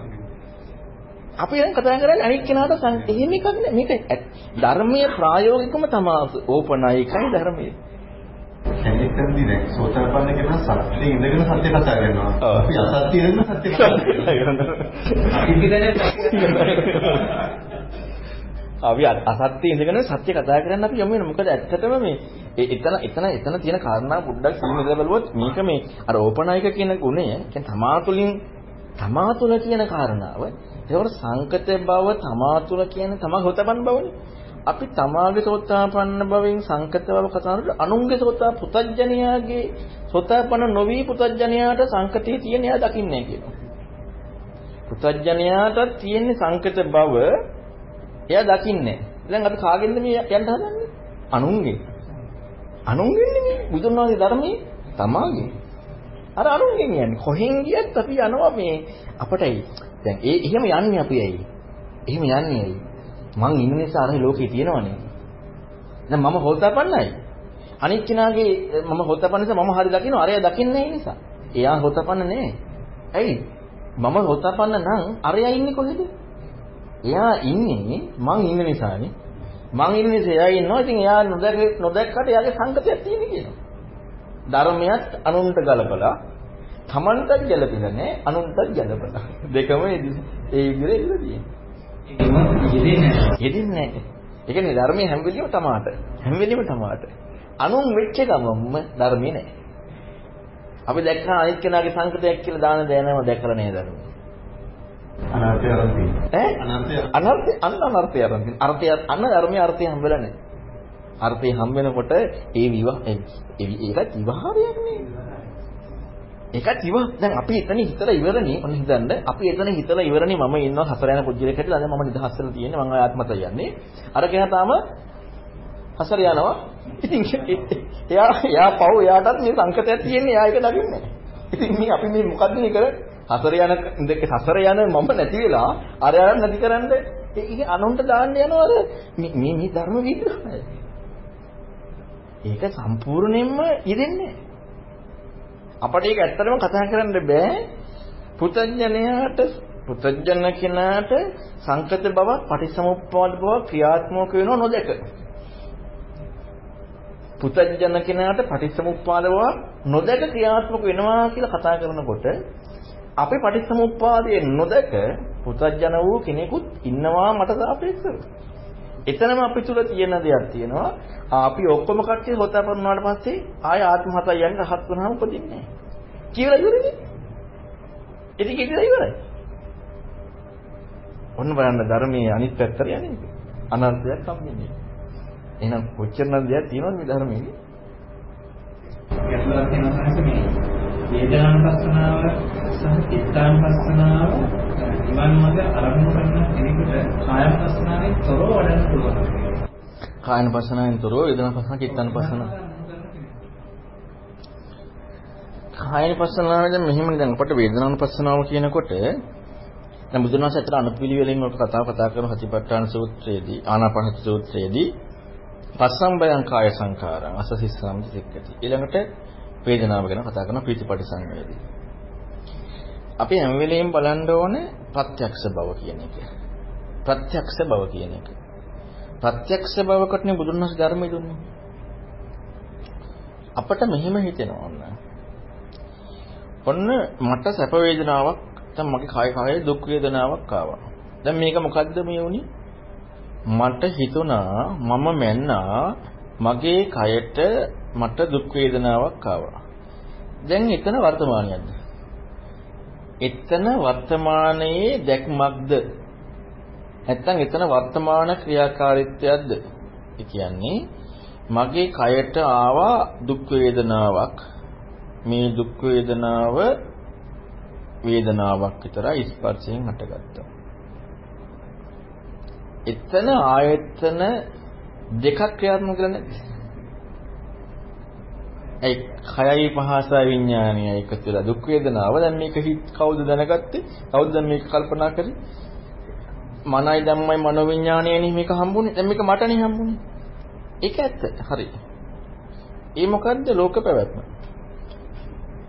ඒ ලෝක පැවැත්මේදී ඔන්න මට මේක හම්බුණා. මම දැනගත්තා. දැන් අපි හිතමු සමාධියේදී ඔන්න මට ඔන්න ප්‍රීතිය හටගත්තා. මගේ කයට පහසක් එක්ක ප්‍රීතිය හටගත්ත බව මට මම මැනීමක් හම්බුනේ මට ප්‍රඥාක්තිය එතකොට ප්‍රීතිය බව මම මැන්න. ඔන්න ආයතන එතකොට මේ අර චප්පානක සූත්‍රයේ සලායතන ක්‍රියාව දාලා නැහැ. මෙතන මේ ලෝක පැවැත්ම. දැන් අපි දානවනේ හැම වෙලෙම අර මම අර කලින් කිව්වා වගේ පුතඥව ඉද්දිත් අපිට මේක බෙදලා බලන්න යනවනේ. ඒක වැරදි. ඒක චේකියාගේ දර්ශනයේ ඇත්ත. දැන් අපට හම් වෙන දේ තමයි ඔන්න අර ඔන්න බ්‍රාහ්මණ සූත්‍රයේ පෙන්නනවා ඇස කන නාසය දිව කය කියන්නේ ඒක පිළිසරණ සිතනේ ඒකට පිළිසරණ සිහිය. එතකොට මේ ඒ කියන්නේ දැන් අපිට කාටවත් බෑනේ කයට දැනෙන දෙයක් හිතින්තරෝ මේක මනගන්නනේ. කයට දැනෙන දෙයක් හිතින්තරෝ මනගන්න බෑනේ. ඇහැට පෙනෙන දෙයක් හිතින්තරෝ මනගන්න බෑනේ. එතකොට එකන ක්‍රියාකාරීත්වය සිදුවීමේදී දෙකක් හම්බුන්නේ නැද්ද? ආයතන දෙකක් හම්බුණා. චප්පානක සූත්‍රයක යථාර්ථවාදී ලෝකෝත්තරව කතා කරනකොට අර උදාහරණයේ සත්තු 6 දෙනා 6 තැනට අදින්න. ණයාට කියන්නේ කිඹුල හා යමක් මාත් තුඹහට එන්නම් කියන්නේ. දෙන්න එකට හවුල යන්නේ නැහැ කවදාවත් නේ තුඹහට. ණයා තුඹහට යනවා නම් අප්‍රාණිකයි කිඹුලා. කිඹුල වතුරට යනවා නම් අනිත් ඔක්කොම අප්‍රාණිකයි. එකට යන්නේ නැහැ. කැමැත්තෙන් හා හෝ කියලා යන්නේ නැහැ. දැන් අපිට මේ හම්බෙන්නේ මොකද්ද? කයට දැනෙන පහස මට තේරුම් ගැනීම මගේ මැනීමන්නේ. මේක අපට හම්බෙන්නේ දෙක එකට. දෙකම හම්බෙනවා. දැන් ඔයාලට මගේ කටහඬයි ඇහැට පේන එකයි හම්බෙනවද නැද්ද දෙකම? අපි තව මේක අර පුතජන කෙනා ලෝකේ මනින්න ඕන නිසා ෂණයකින් හටගත්ත ආය මාරුණ ආය හටගත්ත ආය මාරුණ ආය හටගත්ත ආය හැ ආය කන ආය හැ ඔක්කොට අපි දාගන්නවනේ. එක වෙලාවක එක එක වෙලාවක කන. එක වෙලාවක හැ එක වෙලාවක කන. මොකද එක වෙලේ නැහැ කියලා අපි හිතන නිසා ඔක අපි දාගන්නවනේ. ඉතින් එහෙම වුණොත් මේක ගැළපෙන්න විදිහ නැහැ ආරම්භන දෙක ඔන්න එකම ආරම්භණයක නම් මේ කැඩි කැඩි යන්නේ හරි. ආරම්භන දෙකක වෙනකොට දැන් දෙක දෙක මේ එකක් වෙලා අනික වෙලා එකක් වෙලා අනික වෙලා යනකොට මේ දෙක එකට කොහොමද මේ වෙනින් වශයෙන් තේරෙන්නේ? ඒක වෙන්න බෑනේ. ඒක වෙනින් වශයෙන් තේරෙන්න බෑ අපි ඒ විදිහට කල්පනා කරන්න. අපි උන්ට කල්පනා කරනවා ඇහැට පේනවා කනට ඇහෙනවා. මේ දෙක වෙනින් වශයෙන් සිදුවෙනවා. එතකොට නේ එකක් එක මොහොත කැල්ලානේ. අනික තව මොහොතකට ගිහිල්ලා. අනික තව මොහොතක ඇවිල්ලා අනික එතකොට මේ දෙක අමිනු දෙවියක් නේ. ඇයි? එකක් මැද වෙන එකක් නෙවෙයි. ඇයි ඇහැ උනා කන උනා. ඇහැ උනා කන උනා. ඇහැ උනා කන උනා. ඇහෙන් දැක කන. එතකොට මේකෙන් ඇමිනෙන්නේ නැහෙන්නේ කණෙන් ඇහින් අහපු එක මහෙනවා කණෙන් ඇහිච්ච එකට මහෙනවා. එතකොට ඒක අච්චාරුවනේ නේද අපිට හැම වෙලෙම පේන්න ඕනේ. මේ කියන්නේ ඒක ඒක විවහාර කරන්න බෑ. ඇහෙන එකයි පේන එකයි කියන එක විවහාර කරන්න බෑ. එතකොට ඒ අපි ලෝකයේ ඉඳලා ලෝකෝස ධර්මයේ විග්‍රහ කරන්න යන එක. ඇත්තටම සිදුවෙන්නේ අපට අපිට සිදුවෙන්නේ මේ ආයතන කිහිපයක ක්‍රියාකාරීත්වයෙන් අපට ඇස කන නාසය දිව කය කියන පහට පිළිසරණ මනස කියලා හම් වෙනවා. මේක තමයි අපේ පැවැත්ම මේක. මේක ලෝකයේ පැවැත්ම. මේ ලෝක ප්‍රඥාත්තිය. මේ ලෝකේ වැඩපිළිවෙල. මේ ලෝකේ යන විග්‍රහය. අන්න ඒක ඇත්ත. ඒක පුතඥයාට තේරෙන එක සාධාරණ. ඒක ඇත්ත. දැන් අර වේදනාව මට තේරුණේ. මොකද මේ පැවැත්ම සිදුවන අනිවාර්යෙන් මේ දෙයක් එක්ක. ආයතන ක්‍රියාකාරීත්වයේ බුදුරණවහන්සේ පෙන්වනකොට යෝනිසෝ මනසිකාරයෙන් ප්‍රඥා චක්කුසෙන් දකිනකොට මේක වින් වින් වශයෙන් එක එක්කෙනා හුදකලා වද ගන්න එකක් තියෙන්නේ. එක එක දෙයක් යන එක. ඔන්න පටිස එතකොට ඒ න්‍යාය හම් වෙනකොට ඔන්න හොඳට හිතන්න ඒ න්‍යාය හම්බ වෙනකොට ආයතන විග්‍රහයත් එක්ක යෝනිසෝ මනසිකාරය තියෙන දහම් චක්කුසය දකිනකොට ඇතිවන දර්ශනය මොකද අනාත්මයි කියලානේ. මම නොයදෙන ගතියනේ. එතකොට මේ දැනෙච්ච වේදනාව සැපයි කියන කාරණාව මනින්නේ කවුද? කයයි මනයි එකතු වෙලානේ මනින්නේ. මමනේ මනින්නේ. අපි හිතන ওই ක්‍රියාවලියක් තියෙන මම දාගන්න එක වැරදි කියලා. මනලා ඉවරයි. මම දාගන්න එක වැරදි කියලා හිතනවා. නමුත් මනලා ඉවරයි. හැබැයි අර දර්ශනය දකිනකොට ආපහු දාගන්න එහෙම කතා කරන්න දෙයක් නැහැ. යෙදෙන්නේ නැහැ. මේ ආයතනවල ක්‍රියාකාරීත්වය ආයතන ස්වභාවයෙන් පඤ්ඤාචක්කුසෙන් දකිනකොට චප්පාරණ සූත්‍රකෙමෙත් ඔක යෙදෙන්නේ නැහැ. මම අනාත්ම දර්ශනය ඕනේ තියෙනවා යාට. අනාත්මයි කියන දර්ශනය. හැබැයි මූලිකව අපිට එතකොට තව එකක්. බුදුරණාහි පෙන්වන්නේ සත්‍ය දැක්මකට යන්නේ හැම වෙලෙම. සත්‍ය දකින්න සත්‍ය දකින්න වෙනම කල්පනා කරනවා. දැන් සත්‍ය දකින්න යනකොට වර්තමානයට එන්න ඕනේ නේ අපි හැම වෙලෙම. වර්තමාන. දැන් අපි ඇත්තටම අපි දැන් මොකකද ඇත්ත දකින්න ඕන නැති. කායට දැනෙන වේදනාව මනට හිතෙනවා. දැන් අපි ওই දෙකම දැන් දන්නවා. දැන් මොකකද ඇත්ත දකින්න ඕන නැති. දැන් මොකද්ද මේකේ වර්තමානය? දැන් වේදනාවත් අත්විඳිනවා. දැන් එහෙම ඕනේ. දැන් ඔයාලට මාව පේනවා, කටහඬ ඇහෙනවා. දැන් මොකද්ද වර්තමානය? දැන් මොකද ඇත්ත දකින්න ඕන නැති. දැන් මොකද්ද වර්තමානයේ මාව පේන එකද, කනට ඇහෙන එකද, ඉඳගෙන ඉන්න පහස තේරෙන එකද, උලංගෙන් දැනෙන මේ පහසද? මනසින් හිතන එකද? මොකද්ද දැන් වර්තමානයේ දැන් මොකද ඇත්ත දකින්න ඕන නැති. මාව හිතන පේන එකද මයි කටහඬ හෙන එකද මේ බුලන්ගේ පහස දැනෙන එකද මනසින් හිතන එකද මොකද්ද දැන් වර්තමානයේ මොකද දැන් ඇත්ත දකින්න ඕනේ එහෙම හම්බෙන්නේ නැහනේ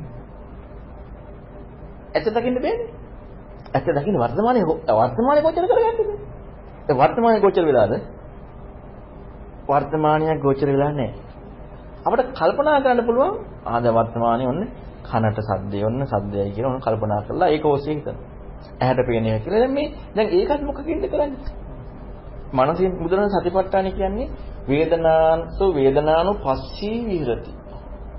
දකින්න කියනවා. දකිමින්නේ පස්සී කියන්නේ දකිමින් වාසය කරනවා. වේදනාසු වේදනානු තක්කේ විහෙරති කියන්නේ. වේදනාසු වේදනාසු විමර්ශේ විහෙරති කියන්නේ නැහැ. පස්සී විහෙරති. එතකොට දැන් අපි මේ කරන ක්‍රියාවලිය අපට හම්බෙන්නේ විමර්ශනයක්ද දැකීමක්ද? විමර්ශනයක්. එතකොට මේ ආයතන කිහිපයක්ද මේ ක්‍රියාත්මක වෙන්නේ? ඇත්තටම බැලුවොත් අපට වර්තමානයක් හම්බෙලා නැහැ. ප්‍රත්‍යක්ෂය අපට හම්බෙලා නැහැ. ඒකට තමයි බුදුරජාණන් සිහියක් පිහිටීම කතා කරන්නේ. ඔන්න සිහිය පිහිට. හැබැයි සිහිය පිහිටීම ප්‍රත්‍යක්ෂය වෙන්නට ඕන. කල්පනාවෙන් නෙමෙයි. සිහිය පිහිටවීම ප්‍රත්‍යක්ෂ වෙනට ඕනේ ඒක දැක්මකට යන්නට ඕනේ. එතකොට දැන් අන්න අපි දැන් රාගසිතක් ආවා. ආ මේක රාගසිතයි කියලා අපට එනකොට දැන් අපිම දන්නවා දැන් මේ අවස්ථාවේ රාගසිත කියන එක රාගසිතක් තේරුම් ගැනීම කියන එක තව එකක්. එතකොට දෙකක් නේ. රාගසිතක් කියලා දැන් රාගසිත තුල ඉඳලා නෙමෙයිනේ මනින්නේ වෙන පැත්තකින් නෙවෙයි දෙක. දැන් මොකද මේ දෙකේ පස්සේ විහෙෘති කරන්න තියෙන්නේ? දැන් අපි විමර්ශනයෙන් ඔන්න දැනගත්ත රාගසිත කියලා මැන්නා. මම මමනේ මැන්නේ රාගසිත කියලා. දැන් එතන මොකද්ද මේකේ චිත්තේ චිත්තාන පස්සී විහෙරති කරන්න තියෙන්නේ. රාගසිතේ චිත්තා චිත්තාන පස්සී විහෙරති කරන්න නැත්තේ නැත්නම් අර මම හිතපේ කියලා. දැන් අපිට අල්ලගන්න පුළුවන්ද? අල්ලගන්න බෑනේ. ඒතර බලන්න බුදුරණාහිමියන් කියන ප්‍රායෝගික කායන පස්සනාව ඉස්සලා දුන්නේ. ප්‍රායෝගික කායන පස්සනාව දුන්නේ ඉස්සලා. වේදනානුපස්සනාවට අපි යොමු වෙනකොට අපි මේ විමර්ශනයේට හරි.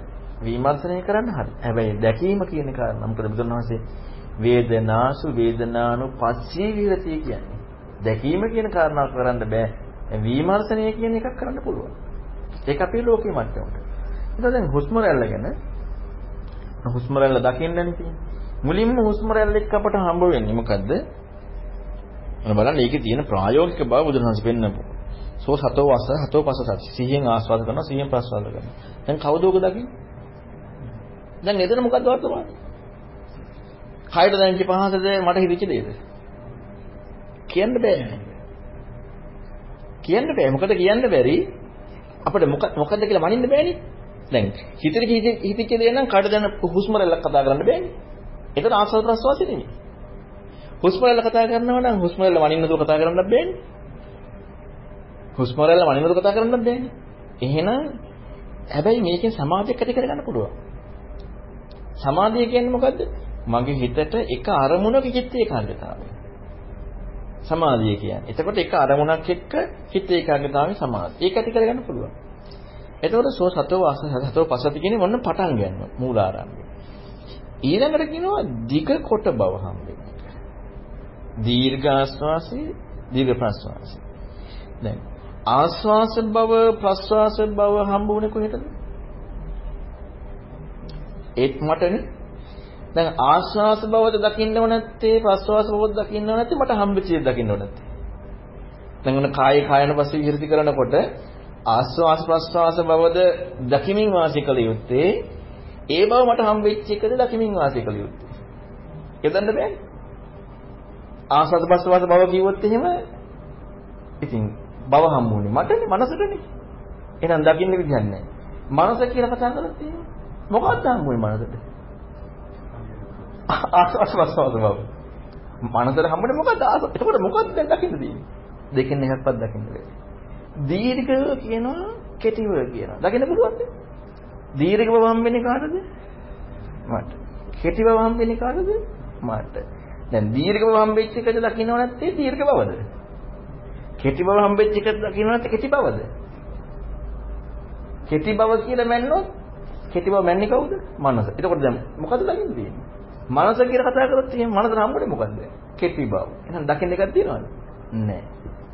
මම ආනපනසුත් ලස්සන වැදගත් විග්‍රහයක් තියෙන එකයි.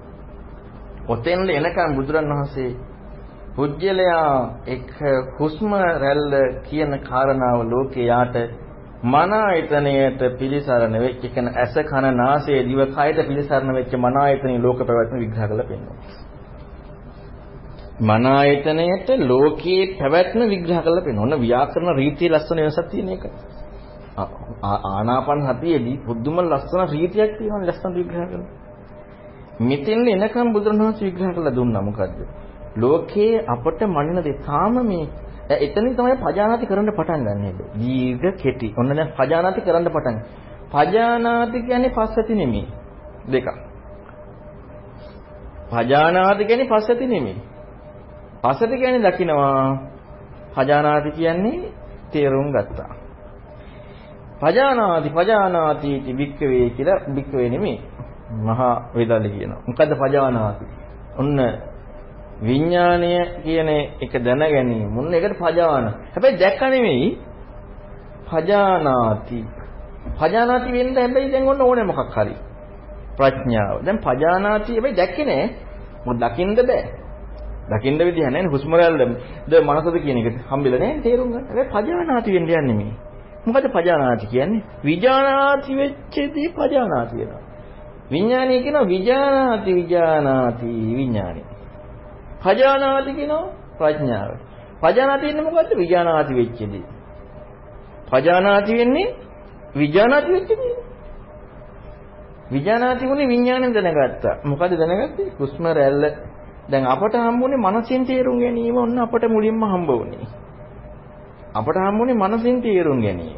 එතකොට අපට මන ආයතනය වෙනමයි, කාය ආයතනය වෙනමයි. අපිට මේ දෙක අල්ලන්න බෑ ප්‍රායෝගිකත්වයට ගන්න. දකින විග්‍රහයද බුදුරණස් පැහැදිලි කරනවා. සබ්බ කාය පටිසංවේදී අස්ස සිස්සා මීති සික්කති ඔන්න පටන් ගත්තා. අස්ස සිස්සා මීති කියන එක අනාගත ක්‍රියාවකුයි බුදුරණස් විග්‍රහ කරන්නේ. ඇයි අනාගත ක්‍රියාවක් කියන්නේ? සත්‍ය දකින්නවා කියන තැනදී ආනාපාන ආස්වාස කියලා මැනීම කතා කරන්න පුළුවන්. දැන් ආස්වාස බව එකක් මනින එක තව එකක් දෙකක් නෙමෙයි. එතකොට මේ දෙක අපිට සත්‍ය දකින්න කතා කරන්න බෑනේ දෙකක් නෙමෙයි. එකක් වෙන් කරන්න බෑ. එකක් වෙන් කරොත් එහෙම අපි මනස වෙන් කරොත් මනසට හම්බුනේ මොකද්ද? ආස්වාද ප්‍රස්වාද. ඒක ඒකට ගියාම ඒක තේරුම් ගත්තොත් මොකෙන්ද? මනසින්. මේක වෙන් කරන්න බෑ. ඔන්න පජානාති වෙන විග්‍රහයත් එක්ක ඉදිරියට යන තැනදී පජානාති. පජානාති කියන්නේ මොකද්ද? විජානාති වෙච්ච දේ. දැන් ඔන්න දීර්ඝ බව. දැන් ඔතන ස්පර්ශෙච්ච එච්චර දාගන්න දෙයක් නෑ. දීර්ඝ බවන් විජානාති උනේ. සරලවම හම්බෙච්ච දේ. දීර්ඝව විජානාති. ඒතකොට විජානාති කියන කාරණාව පජානාති වුණා. දැන් මේක ස්ටෙප් එකකින් ස්ටෙප් එක නෙමෙයිනේ. විජානාති වෙනකොට පජානාති එක්ක විජානාති වෙනකොට කියන්නේ විජානාති විඥාණයෙන් විශේෂයෙන් දැනගත්තදී පජානාති ප්‍රඥාවෙන් පජානාති වෙනකොට මොකද්ද වෙන්නේ? පස්සට වෙන්න යනවා නේද ඊට පස්සේ. ජානාති පස්සති. පස්සට වෙන්න පටන් ගන්නවා. ඒක දැන් හොඳට මේක හෙව්වා. හුස්ම රැල්ල කියන්නේ මොකද්ද කියලා. දැන් ප්‍රත්‍යක්ෂයකට මේ යන්න යන්නේ. ප්‍රත්‍යක්ෂයකට යන්න යන්නේ මොන හුස්ම රැල්ල කියන එක විජානාති විච්ඡාකාරයෙන් හොඳට හොයාගෙන යනකොට පජානාති වෙනකොට සබ්බකාය පටිසංවේදී. දැන් සබ්බකාය කියනකොට දැන් අපිට දැන් වෙන හිතෙන මොනට කල්පනා ටිකක්නේ සම්පූර්ණ හුස්ම දැනගත්තා මේක දැනගත්තා. එහෙමනේ. අත්ති කායෝතිවා කයක් ඇතයි කියලා ගත්තේ මොකද්ද කියන කාරණාව? ඔන්න පඤ්ඤා චක්කුසයට හම්බ වුණා පජානාති වෙච්ච එක පස්සති කියන එක. මොකද්ද පස්සති උනේ මේ කය කියන්නේ මොකද්ද? හුස්ම ගන්න නැහැ. හුස්ම කියන අනාගත ක්‍රියාවයි ඒ දැන් හුස්ම වෙන්නේ කොහොමද? මේ පස්ස තියෙනකොට.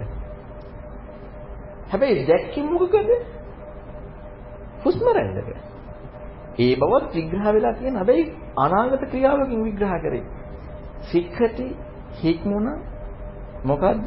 සබ්බකාය පටිසංවේදී සම්පූර්ණයෙන්ම කය දැනගන්නේ. ඔන්න අර පටිසමුපාද විග්‍රහය කතා කරන්නේ. කයක් ඇති බව හම්බ වෙලා පැවති විග්‍රහය කුමක්ද කියලා අවිද්‍යා ප්‍රත්‍යයෙන් සිදුවෙන ක්‍රියාව මුලින්ම පජානාති වුණා දීර්ඝ බවත් එක්ක තේරෙන්න පටන් ගන්නකොට ප්‍රඥාවට විඥානීය ක්‍රියාව දැකීමට යොමු වෙනවා දකින්නකොට හුස්ම රැල්ල කියන පැනවීම අනාගතයෙන් විග්‍රහ වෙනවා දැක්කේ හුස්ම රැල්ලක නිසා. හැබැයි ඒ අන්න වර්තමානයේ පැනවීමකට යෙදිලා නැහැ. මොකද පැනවීම මමනේ පනවන්නේ. දකින්නකොට පනවන්නේ කොහොමද? ප්‍රඥා චක්කුසයෙන් දකින්නකොට පැනෙවුවා නම් පැනවීම මම කාලත්වයට ගිහිලා හතරෙන පුජ්‍යලයක් ඉන්නවා. ඒ පුජ්‍යලයා දැක හුස්ම රැල්ල දැක්කේ දැක්කේ. හැබැයි පනවන දේ ඉක්ම වුණා නම් දකින දැක්මේ දිම පුජ්‍යල පැනවීම වැරද්ද කියලා හම්බෙලා ඉවරයි ප්‍රත්‍යක්ෂයෙන් අනාත්මය. දැක්මේදීම අනාත්මේ ප්‍රත්‍යක්ෂය හැබැයි දැක්ක හුස්ම රැල්ල එක. ඒකයි අසසාමි ආසසිසාමිති සික්කති. අන්න ප්‍රත්‍යක්ෂ ධර්මයේ පෙන්වනවා. ඊට පස්සේ පස්සම්බයං කාය සංකාර. පස්සම්බයං කියන්නේ සංසිඳනවනේ. ඇයි සංසිඳෙන්නේ? කය කියලා ගත්ත තැනදී දැන් කයක් නෙමෙයි හරියටම දැක්කේ. ඉතින් මෝඩකමම හම්බ වෙනවා නම් කය ඇති වෙන්න මොකද වෙන්නේ ඊට පස්සේ? සංසිඳනවා. කය යෙදෙන්නේ. ඒ යෙදෙන්නේ කියන්නේ නැහැ මෝඩකමින් හම්බුනේ යෙදෙන්නේ. මොකද්ද උනේ කරමින් හිටිය ආස්වාස් ප්‍රස්වාස. හරිද මේ ආස්වාස් ප්‍රස්වාස මනින කතන්දර යන්නේ කනාගතින් කියන්නේ. සික්කති සබ්බක පස්සම් බයං කාය සංකාර. අන්න කාය සංස්කාර සංසිත. දැන් මොකද වෙන්නේ? දැන් ඔන්න වේදනාව ප්‍රත්‍යක්ෂ දෙයක් බවට පත් වෙන්න යනවා.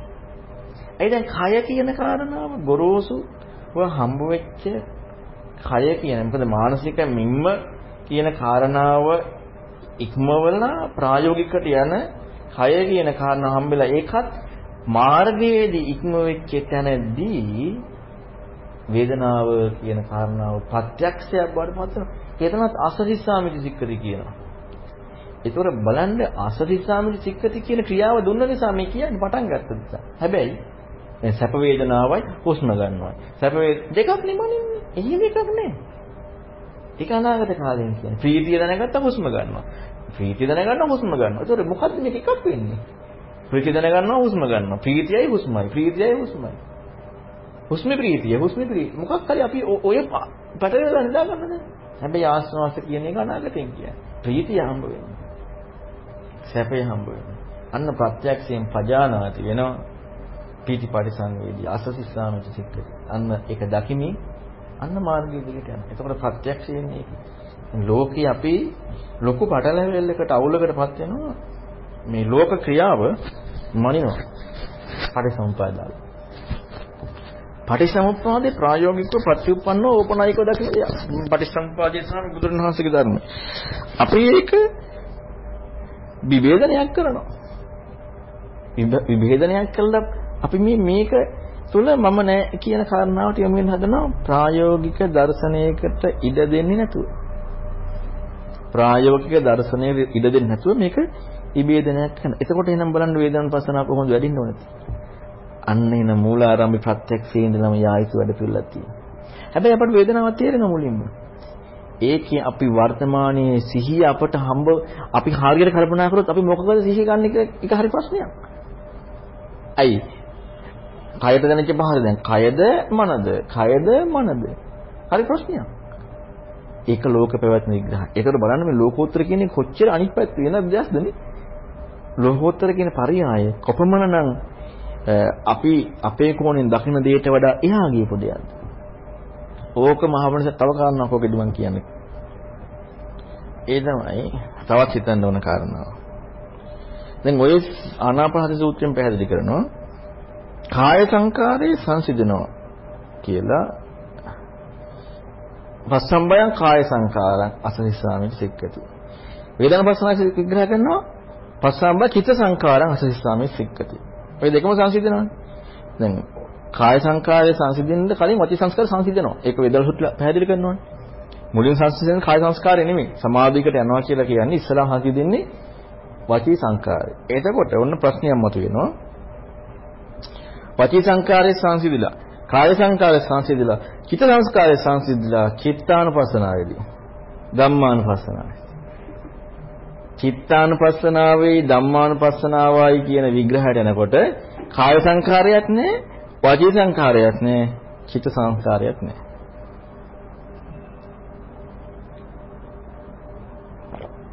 ඕක දැන් පටිච්චසමුප්පාද දාගත්තොත් එහෙම ওই තුන චිත්තානුපස්සනාව කියන්නේ මොකද අරහත්ත්වය අයිතරින් කරන්න දෙයක් නැහැ.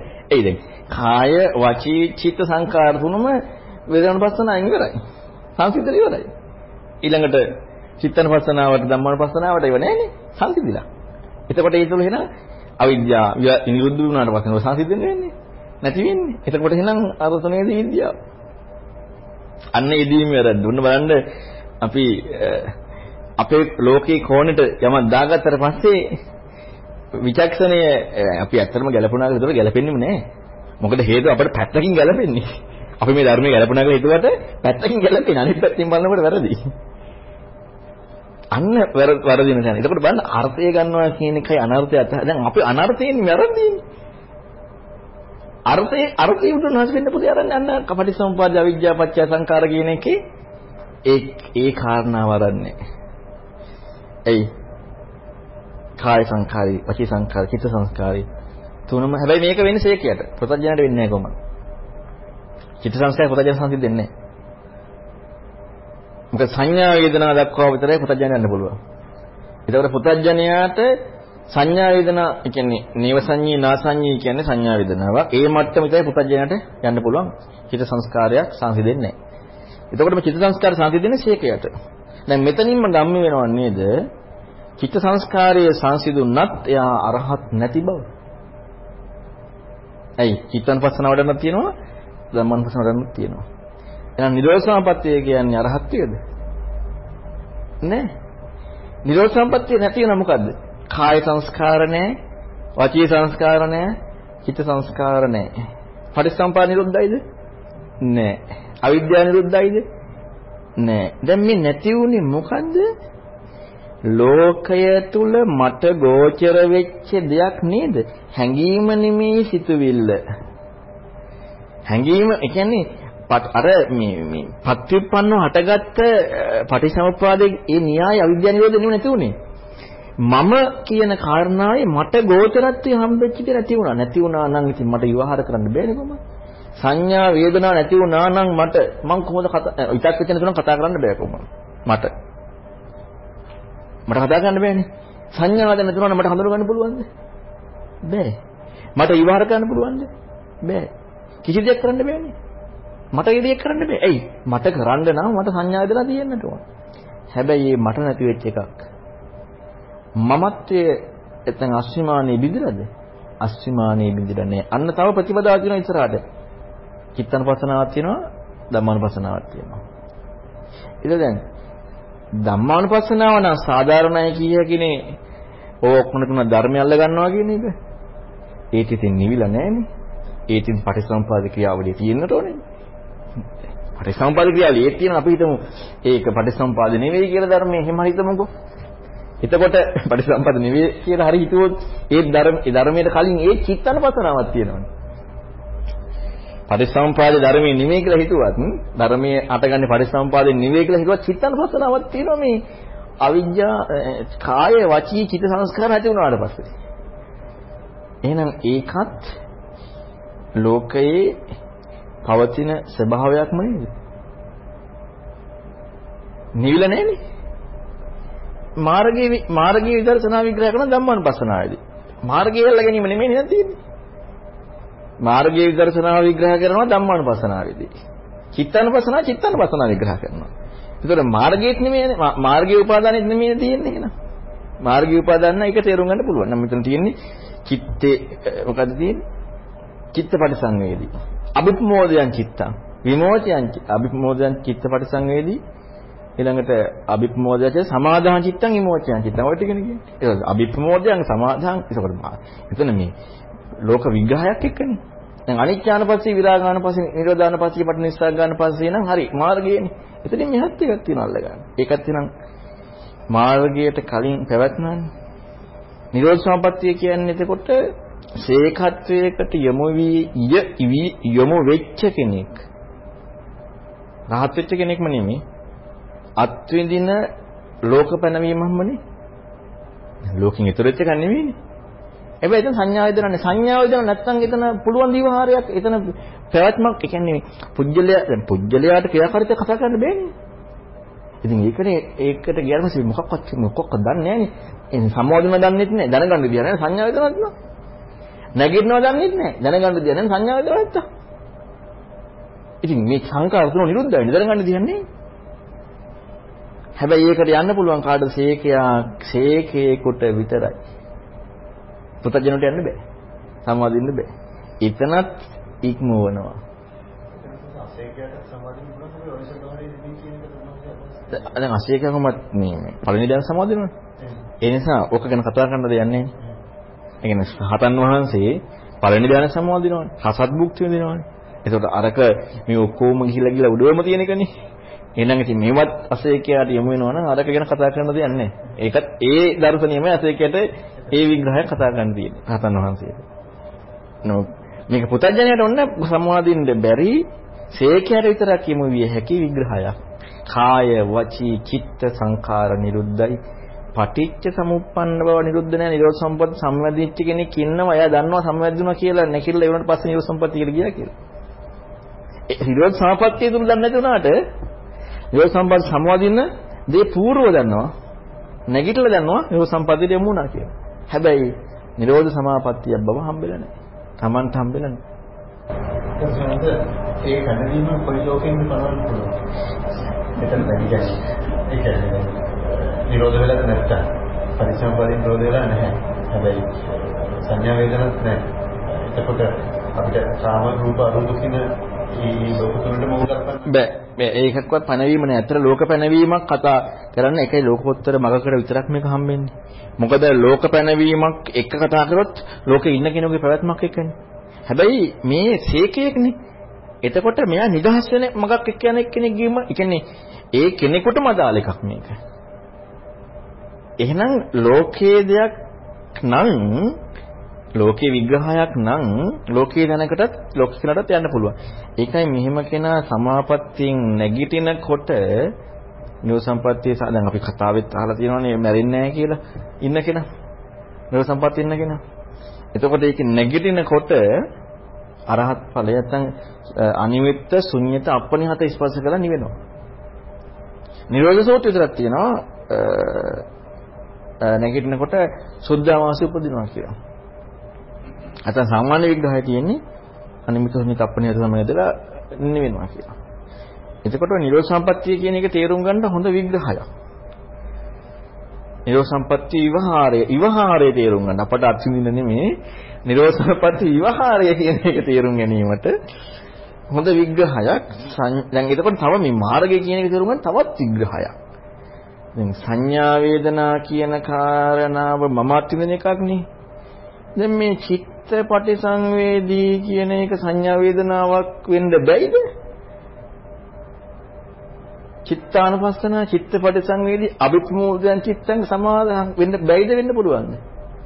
වෙන්න අරූපේ නෙමෙයි. අරූපේනු පස්සේ? අරූපේනු පස්සේ. අරූපය කියලා කියන්නේ අරූපය කියලා? අරූපේ ඉක්මවලා. නේව සංඥා නාසඤ්ඤා ඉක්මවලා. නේව සංඥා නාසඤ්ඤාද කියන සංඥාවක්. ඒකත් ඉක්මවලා තමයි සංඥා වේදනා කියන්නේ. නිරුද්ධ වීම කියන්නේ. එතකොට එහෙනම් චිත්තානුපස්සනාව විග්‍රහයේ චිත්තපටි සංවේදී කියන කාරණාවේදී සංඥා වේදනාවක් මැනීමක් තියනවද නැද්ද? මේක නිරෝධ සමාපත්තිය කියන සංසාරේ අදහස් කරන්නේ වචනයෙන් කියන සමාපත්තිය කියන ඒකට සමවැදීමක්. නෑ මේක නිරෝධ සම්පත්තිය නෙමෙයි. කියන්නේ වාසිය කියන දැන් මම කියන්න හදන්නේ ඒකට. නිරෝධ සමාපත්තිය සමාදේකට අර කියනවානේ සම්ම මහවිදල් සූත්‍රය කියන්නේ සම වදිනවා කියලා දන්නෙත් නැහැ, ඉන්නවා දන්නෙත් නැහැ, හිටිනවා දන්නෙත් නැහැ. පූර්වයේම නිශ්චයක් තියෙනවා. මේ මෙච්චර කාලෙකදී මම ඉන්නවා ඒ කාලේ හිටිනවා කියලා පූර්ව නිශ්චයක් ඇතුළත තමයි ඒක කියුණා. දැන් මේ සමාපත්තිය කියන ස්වභාවය තුළ සමහරවිට මේකේ ස්වභාවය තුළදී එතකොට දැන් කාය වචී සංකාර, කාය සංකාර, චිත්ත සංකාර තුනම නිරෝධයි. නිරෝධයි කියන්නේ මේ එතන කියන්නේ මේ මේක ඒ කියන්නේ ඒකෙන් යෙදෙන්නේ නැහැ කියලා. ඒකට එතෙන්දී ආයෙ කියන ආයශය විසමයි තියෙනවා. හ්ම්. ඒකට එතන ඒ ඒ පරියායන තමයි ඉස්තර වෙන්නේ. ඒක සාහන අපිට පුළුවන් මේ පරියාය ගෙනල්ලා ආපහු සම්පත්තන ගලපන්න කියලා මේකේ නෙමෙයි මම කිව්වේ මේක තුල නිරෝධ සම්පatti විග්‍රහය නෙමෙයි. හැබැයි නිරෝධ සමාපatti විග්‍රහයේ තේරුම් ගැනීම සඳහා මේක උපකාරයක් කරගන්න පුළුවන්. මෙතන නිරෝධ සම්පත්තියක් නෙමෙයි. ඒ කියන්නේ මේ චිත්තානපස්සනාක නිරෝධ සම්පත්තියක් නෙමෙයි. හැබැයි නිරෝධ සම්පත්තිය තේරුම් ගැනීම සඳහා උපකාරයක් කරගන්න පුළුවන් මේ විග්‍රහය. නිරෝධ සම්පත්තියක් නෙමෙයි චිත්තානපස්සනාව කියලා කියන්නේ. හැබැයි මේක මේ විග්‍රහයෙන් උපකාරයක් කරගන්න පුළුවන් නිරෝධ සම්පත්තිය කියන එක තේරුම් ගන්න. අනිත් නිරෝධ සම්පත්තියේදී විග්‍රහ කරනකොට ආයුෂත් උණුසුමත් ඇති බව කතා කරනකොට, තියෙන බව කතා කරනකොට ඒ විග්‍රහය තුළම කතා වෙනවනේ ලෝකයේ සම්මාදින පුජ්‍යලයේගේ සමාපත්තියක් කියන එක. එතකොට ලෝක විග්‍රහයන්නේ කතා කරන්නේ. හැබැයි සේකයට විතර සමාදින්න පුළුවන්. ආයසා ඒ කියන්නේ පුතජන සමාදින්න බෑ. දැන් නිය සංඥා සංඥායතන බවත් සමාදින්න පුළුවන් ඕන කෙනෙකුට. එතකොට ඒකෙත් අර්ථය විග්‍රහ කරනවානේ. අර්ථ ප්‍රඥප්තිය ලෝකයටනේ. නිරෝධ සම්පත්‍ය අර්ථ ප්‍රඥප්තියත් ලෝකයටනේ. නිමුණ නෙමෙයිනේ.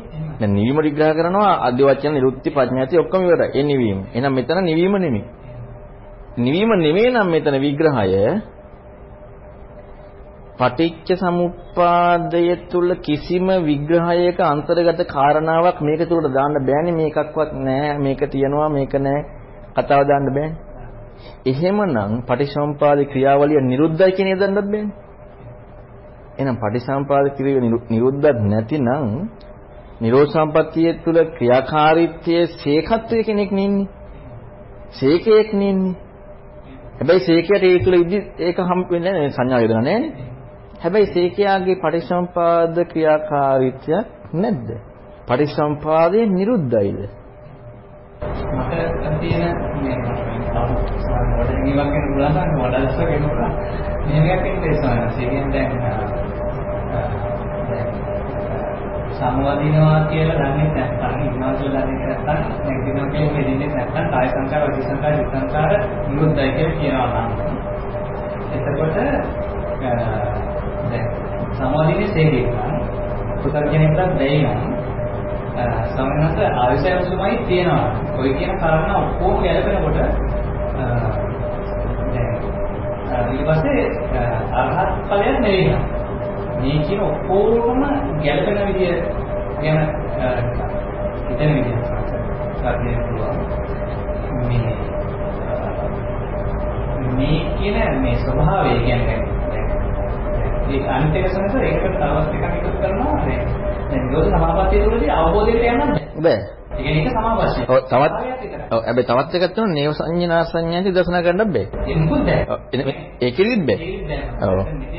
එතනදිත් බෑ. මේ කියන්නේ සමාපත්තියක සමාධියක් විතරයි. ආයි වැඩිවීමක්වත් පිළිවීමක් මොකක්වත් නෑ. බෑ. යම් ස්වභාවයක් යම් මට්ටමක්. හ්ම්. එතකොට තමයි ඒක දෙන්න බැරිද දැන් අපිට අපිට පරිසම්පාදේ කතා කරනවා වෙන සම්මාස සංඥා වේදනා කතා කරන්නේ. පටිච්ච සමුප්පාදයේ සංඥා කතා කරනකොට සංඥා වේදනා මනින කෙනා ඉක්ම වෙනවා. පුජ්‍යලා ඉක්ම වෙනවා. එතකොට පටිච්චසමුප්පාද දර්ශනයේදී සංඥා වේදනා මනින පුජ්‍යලා කොහොමද කතා වෙන්නේ ඉක්ම වෙනවා. ඒක ඉක්ම වෙනවනේ. ඒතර පටිච්ච සමුප්පාදය තුල විග්‍රහයක් එක්ක නෙවෙයි කතා කරන්න නැත්තේ අර කාරණා මොකද හේතුව පටිච්ච සමුප්පාදය කියන කාරණාව කිසිම දෙයකට ඔව් යෙදෙන්නේ නැහැ. එතකොට එහෙනම් නිරෝධ සම්පත්තිය කෙනෙක් ඉන්නවා කියන කාරණා ඉවහාරය දෙන්නේ නැහැ. ඒ කියන්නේ පටිච්චසමුප්පාදයේ දර්ශනය තියෙනකොට. ඒතර පටිච්චසමුප්පාදයේ නිරෝධ වුණා නම් කොහොමත් ඔය එක කතා කරන්න මේක අරහත් වෙයි. පැනවීමක් ලෝකේ ලෝක පැනවීමක් ප්‍රඥප්තියක් තියෙනවනේ. ලෝක ප්‍රඥප්තියක් තියෙනවා. හැබැයි පුජ්‍යලයකට දැන් අපි ගත්තොත් අසඤ්ඤී කියන ලෝකය. දැන් අසඤ්ඤ කියන ලෝකය අෂ්ට සමාපත්තිය වල නැහැ. අෂ්ට සමාපත්තිය වල නැහැනේ. දැන් පිළිවෙලට කතා කරනකොට 1 2 3 4 ඊළඟට එහෙම එකකුත් නැහැ. එතකොට අපි දැන් නිරෝධ සමාපත්තිය පොඩ්ඩක් පැත්තකින් තියලා අසඤ්ඤී ගැන පොඩ්ඩක් හිතලා බලමු. නිරෝධ සමාපත්තිය කියන එක පැත්තකින් තියලා අසඤ්ඤී කියන්නේ මොකද්ද? අසඤ්ඤී කියන්නේ සංඤී නැති බව කාටද හම්බුනේ? පුජ්‍යලයකටනේ. සංඤී නැති බව පුජ්‍යලයකට හම්බුණා. බුදුරණවහන්සේ හැබැයි සංඥා වේදනා නිරුද්ධය කතා කරන්නේ. හැබැයි සංඤී නැති බව පුජ්‍යලයකට හම්බුණා. හැබැයි නේව සංඤී නා සංඤී කියන කාරණාව අරූපයක්. එතන සංඥාව එයාට හම්බෙද්දී නේව සංඤී නා සංඤී. දැන් මෙතන සංඥාවක් නෑ එයාට. ඒතර එතන විග්‍රහයක මොකක්ද කතා කරන්න පුළුවන්. මම කියන්නේ ඉක්මනට තමයි දැන් කොහොමද ගලපලා ඉන්නලා පස්සේ මට මේ මේ මේ යකින් දැනගන්න මට හිතෙන්නේ මේ කියන ක්‍රියාකාරීත්වය යම් පරාසයෙන් නතර වෙලා තියෙනවා. මොන ක්‍රියාකාරීත්වය? අපි නිරෝධ සමාපත්තිය කියන ස්වභාවය තමයි ඒ කියන්නේ කාය සංකාර, අසි සංකාර, දිස් සංකාර කුජල භාවයෙන් අපි කියන්නේ ඒක නතර වෙනවා කියන්නේ. එතකොට නිරෝධ සමාපත්තිය කියලා කියන්නේ එයා නැතිවෙනකොටම ඊට පස්සේ ඒ ඒ අපි කුජල භාවය කතා කරනවා කියනනේ මේ ශුන්‍යකාමික අග්නිය හදට සම්බන්ධනවා. අරහත් ඵලයේ මේ ළඟා වෙනවා කියන්නේ. එතකොට මේ අර ඒ කියන්නේ උණුසුම ආයස පමණ පවතින නිකන් ඒක සමාපත්තියක් නේද මුකුත් වැඩිමක් පිළිමක් නැති ඒ කියන්නේ මේ මේ සම්පූර්ණ මේ පැවැත්මක් පිළිබඳ යම් ක්‍රියාකාරීත්වයක් ගැන අපි කතා කරනවාද? ඒක නතර වෙලා තියෙන ස්වභාවය කියන මට මේ ඒ හරි ඒකත් ඒ පැවැත්ම නතර වුණා කියන එක අපි මනින එකක් වෙන්නට ඕනේ නේ කොහොම? එහෙම නැති වුණොත් නිවන. ඒ කියන්නේ පැවැත්ම නතර වීම කියන කතා කරොත් නිවන අරහත් ඵලය. අර විදිහේ පැවැත්ම නතර වීම කතා කරනවා නම් අපි මනින එකක්. ඔව් ওই දෙකනේ. ඔව් නැත්තම් නිවනනේ. එතකොට එහෙනම් අපි මනින එකක් නේ. මම එදිලා මනින එකක් නේ. දැන් ලෝ ස්වභාවයන් ඔක්කොම ගලපමින් මට ගලපලා ඔව් මම එදිලා මනින දැන් අරහත්ත්වය කියන්නේ අසේත විරාග නිරෝධෝ නිබ්බාන. නිරෝධ සම්පත්තිය කියන්නේ එහෙම එකක් නෙමෙයි. හැබැයි නිරෝධ සමාපත්තියක්. අතන නිරෝධයේ නිවීම. ඒ ඒක නිවීම. මේක නිරෝධයට සමවැදීමක්. ඒ කියන්නේ මෙතනත් ඒක කියන්නේ නැහැ කොහොමද කියලා. කියන්නේ නිරෝධයක් තියෙනවා. ඒ කියන්නේ නිරෝධයක් සාක්ෂාත් වීමක් තියෙනවා. ඔව්. හැබැයි නිවන නෙවෙයි. ඔව්. ඒතර නිවන නොවන නිරෝධය මොකද්ද? ඒ කියන්නේ අවිද්‍ය ඔව් අවිද්‍යා අශේෂ විරාග නිරෝධය තමයි නිරෝධයේ සාක්ෂාත් වීම කියන කතා කරන්න තියෙන්නේ. එතනින් මෙහා කිසි දෙයක් නිරෝධයේ සාක්ෂාත් වීම කතා කරන්න බෑනේ. දැන් උතන නිරෝධයක් සාක්ෂාත් වීම කතා කරන නිරෝධය කියලා කියේ. සර ඉතින්දි තව මේකට මම මේ රූපලක් ගැන එකක් කියන්නේ මාසම පරිදින රූපන්න. ඒ කියන්නේ දැන් මෙතන උච්චල භාවයක් අහුවෙලා නැහැ කොහොමද කාලයක් අහුවෙලා නැහැ. ඒක නිරෝධ සමාපත්තිය කියන තැනදී දැන් පුජ්‍යල භාවයක් අහුවෙලා නැහැ කියන්න බෑ. මම කියන්නේ මේ සමාපත්තිය වලට ඒ එයාට හම්බුන්නේ නැති එකනේ. ඒක නම් මම කිය ඕක තේරුම් ගන්න අසඤ්ඤයත් පොඩ්ඩක් තේරුම් ගත්තා පොඩ්ඩක් තේරුම් ගන්න පුළුවන් කියලා. ඒක තේරුම් ගන්න අසඤ්ඤයත් එකක් තේරුම් ගන්න ගියා නම් ලේසියි කියලා. අසඤ්ඤ හරි සමහර. අසඤ්ඤ කියන එක ඒක අනේ සීක නැති වුණාට පුතඥයට සීක කෙනේ සම්වද්ද නෑ කියන්නේ නැහැ. මට මතක හැටියට සංචේතන සුත්‍ර සීකනත් යන ඒක නසඤ්ඤිත යන අවස්ථාව සංචේතන සුත්‍රේ තියෙනවද කොහෙද මට ඒක හරියට කියන්නේ. හැබැයි අසඤ්ඤය කියන කාරණාව ඇති වෙච්ච තැනදී ඒක රූප ලෝකයක් හැටියටනේ විවහාර කරන්නේ. රූප ලෝකයක් හැටියටනේ. සංඤී අරක අරූප ලෝකයක්. ඒතර අසඤ්ඤයේදී ඒ කෙනාට කිසිදු සංඥාවක් නැමනේ. ඇත්තටම නැහැ සංඥාව. මොකද සංඥාවක් තියෙනවා නම් මොනවා හරි ඇත්තෙත් නැහැ නැත්තෙත් නැහැ කියන අරූපකට ගිහිල්ලානේ.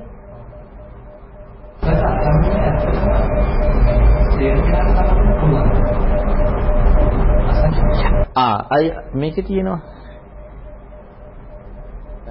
මහා නිදානේ මහා නිදානේ බුදුරණාහි විග්‍රහ කරනවා ඔව් විඥාන තිති සහ හත විග්‍රහ කරනකොට ආයතන දෙකක් වන නේව සංඤී ස්නාසඤ්ඤී අසඤ්ඤී කියන එක සේකය සමුදේ අස්තංගමේ ආදීනමේ නිස්සරණ දෙක නිදහස් වෙනවා කියලා. ඒ දෙකේම කියනවා. ඔව්.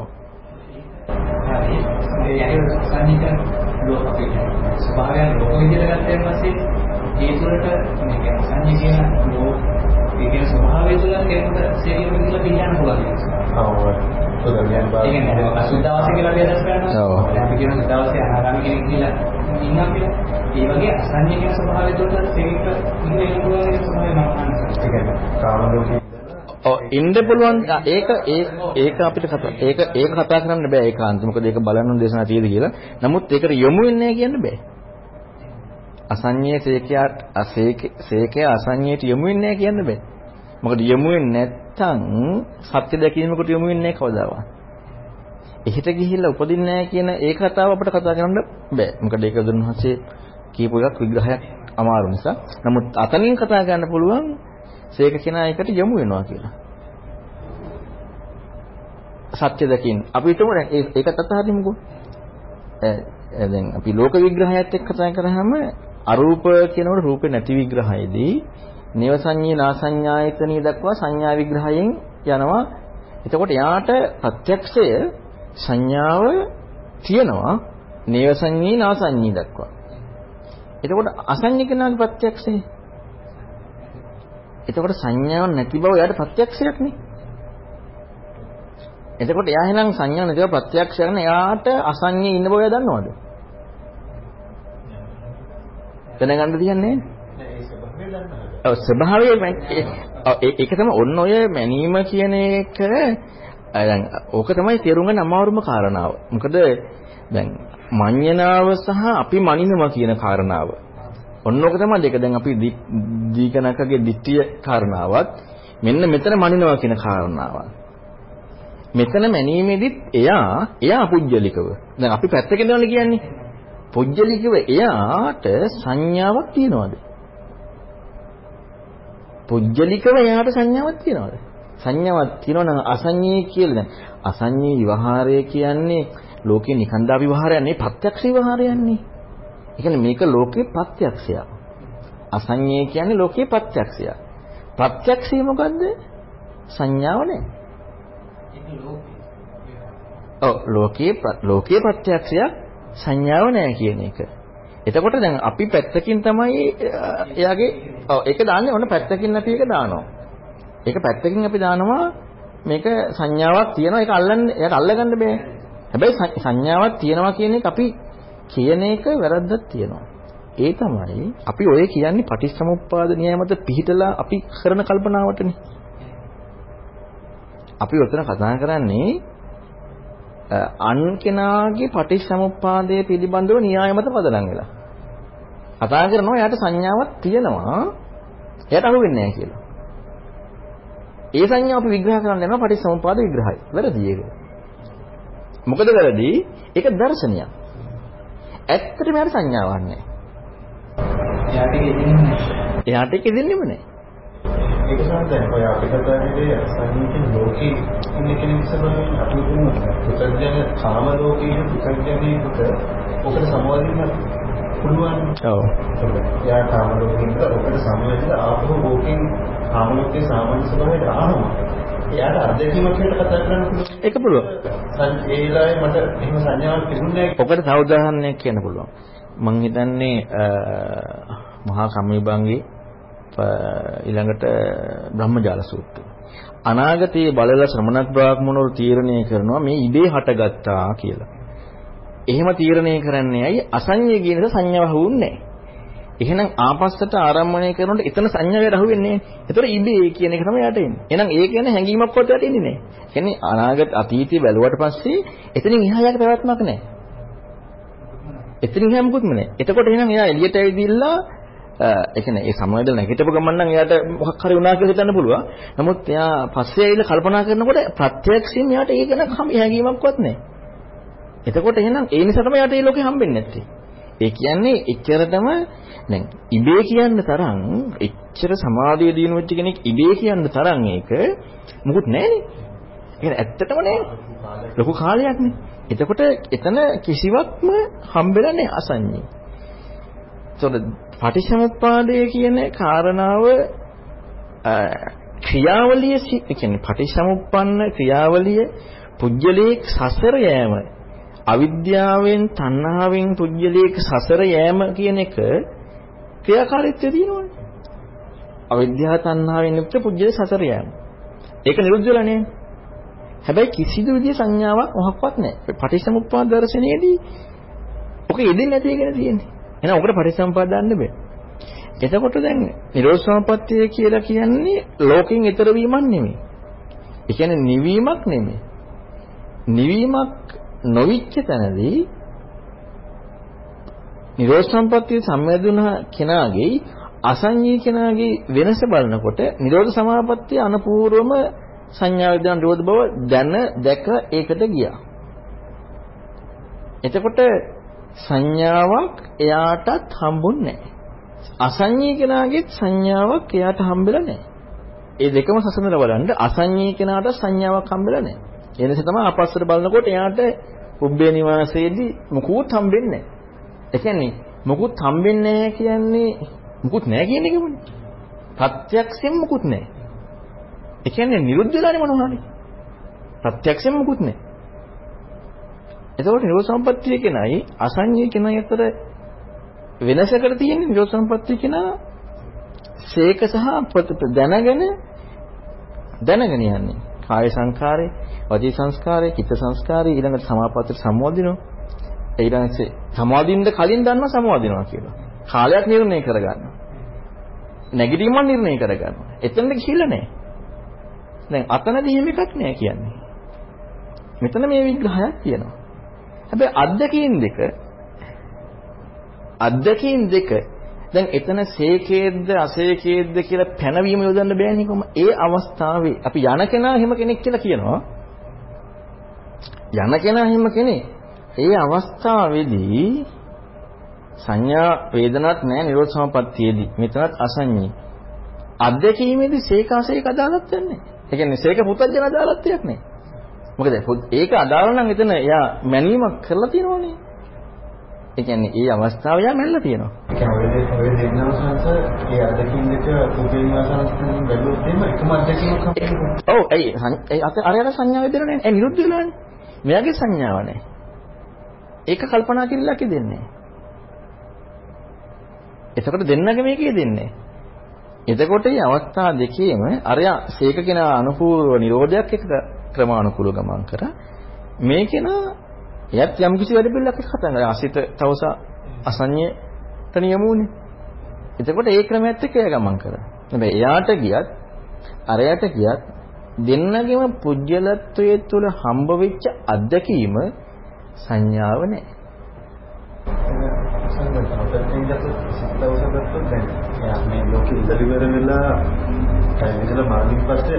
එයා කියන්නේ විමුක්තිය කියලා. හැබැයි ගිහිල්ලා එයාට ඒක පාලනයක් නැහැ. අතන ගිහිල්ලා ඒ ලෝකෙ ඉපදුනා. හැබැයි නිරෝධ සමපතිද සමාධිය කියන දන්නවා අනිවාර්යයෙන්ම මේකෙන් ඉතිරිදී අනිමිත ශුන්‍යත අපිට සමාදිනවා. ඔව්. ඔව් එපිරිනි වෙනවා කියන එක. ඔන්න ඔය දෙකක් තියෙන වෙනස් දෙකක්. සමාපatti දෙකේ ඒ වෙනස් දෙක තියෙනවා.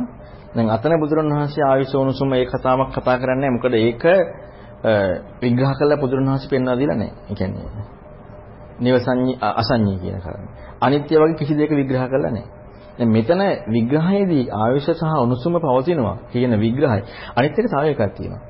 පටිච්ච සමුප්පාද විග්‍රහය බුදුරන් වහන්සේ කතා කරනකොට කොතනකටවත් දාන්න අවශ්‍ය නැහැ මේ එකක් නැහැ මේ එකක් තියෙනවා කියලා. මොකද ඒක දර්ශනයනේ. එහෙනම් පටිච්චසමුප්පාද විග්‍රහයට කතා කරන අදාළත්වයක් නැහැ. අසංජිත කතා කරන අදාළත්වයකුත් නැහැ කිසි දෙයක අදාළත්වයක් නැහැ පටිච්චසමුප්පාද කතා කරන්නේ. පටිච්චසමුප්පාදේ කතා නොකර ලෝකයේ තුල කතා කර හැකි විග්‍රහය බුදුරජාණන් කතා කරා. පටිච්චසමුප්පාද දර්ශනයේ ඔය ටික ඔක්කොම ඉක්ම වෙනවා. එතකොට මේ ඔක්කොම එහෙනම් ලෝක විග්‍රහයක්. ලෝක ප්‍රඥාත්තියක්.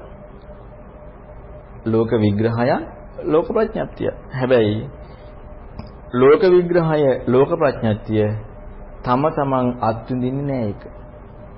අසඤ්ඤය අත්විඳින්නෙත් නැහැ. නිරෝධ සම්පත්‍ය අත්විඳින්නෙත් නැහැ. ඊළඟට තමයි දැන්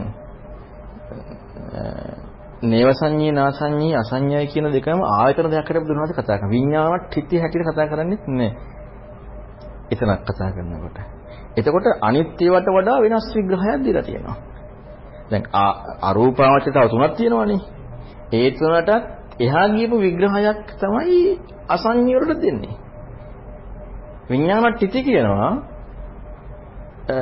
මේ මේ මේ ආයතන කියනවා විඤ්ඤාණ හිත කියන්නේ ආයතන දෙකයි විඤ්ඤාණ ටික හතයි කියනවා. එතකොට එනම් ඒ විග්‍රහය අර අනිත් රූප ලෝක වලට වඩා පොඩ්ඩක් වෙනස්. නේවල අසංඤී නාසංඤී එක ටිකක් විග්‍රහ කරන්නේ විඤ්ඤාණ ආයතන දෙයක් හැටියට. එහෙනම් ඒකට තමයි විශේෂත්වයක් තියෙනවා අනිත්‍යයට වඩා. අතන නේව සංඤී නාසංඤී සංඤී ඇති බව තියෙනවා. අතන ඒ සංඤීත් නැති බව තියෙනවා. සංඤී නැති බවමයි.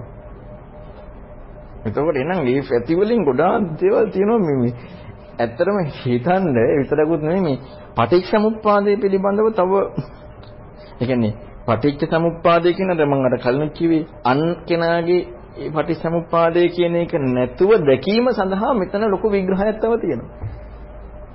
දැන් මෙතන අපි කතා කරන්න ගියොත් එක වෙලාවක අවිද්‍යාව නිරෝධයි කියලා වැරදි. අවිද්‍යාව නිරෝධ නැහැනේ.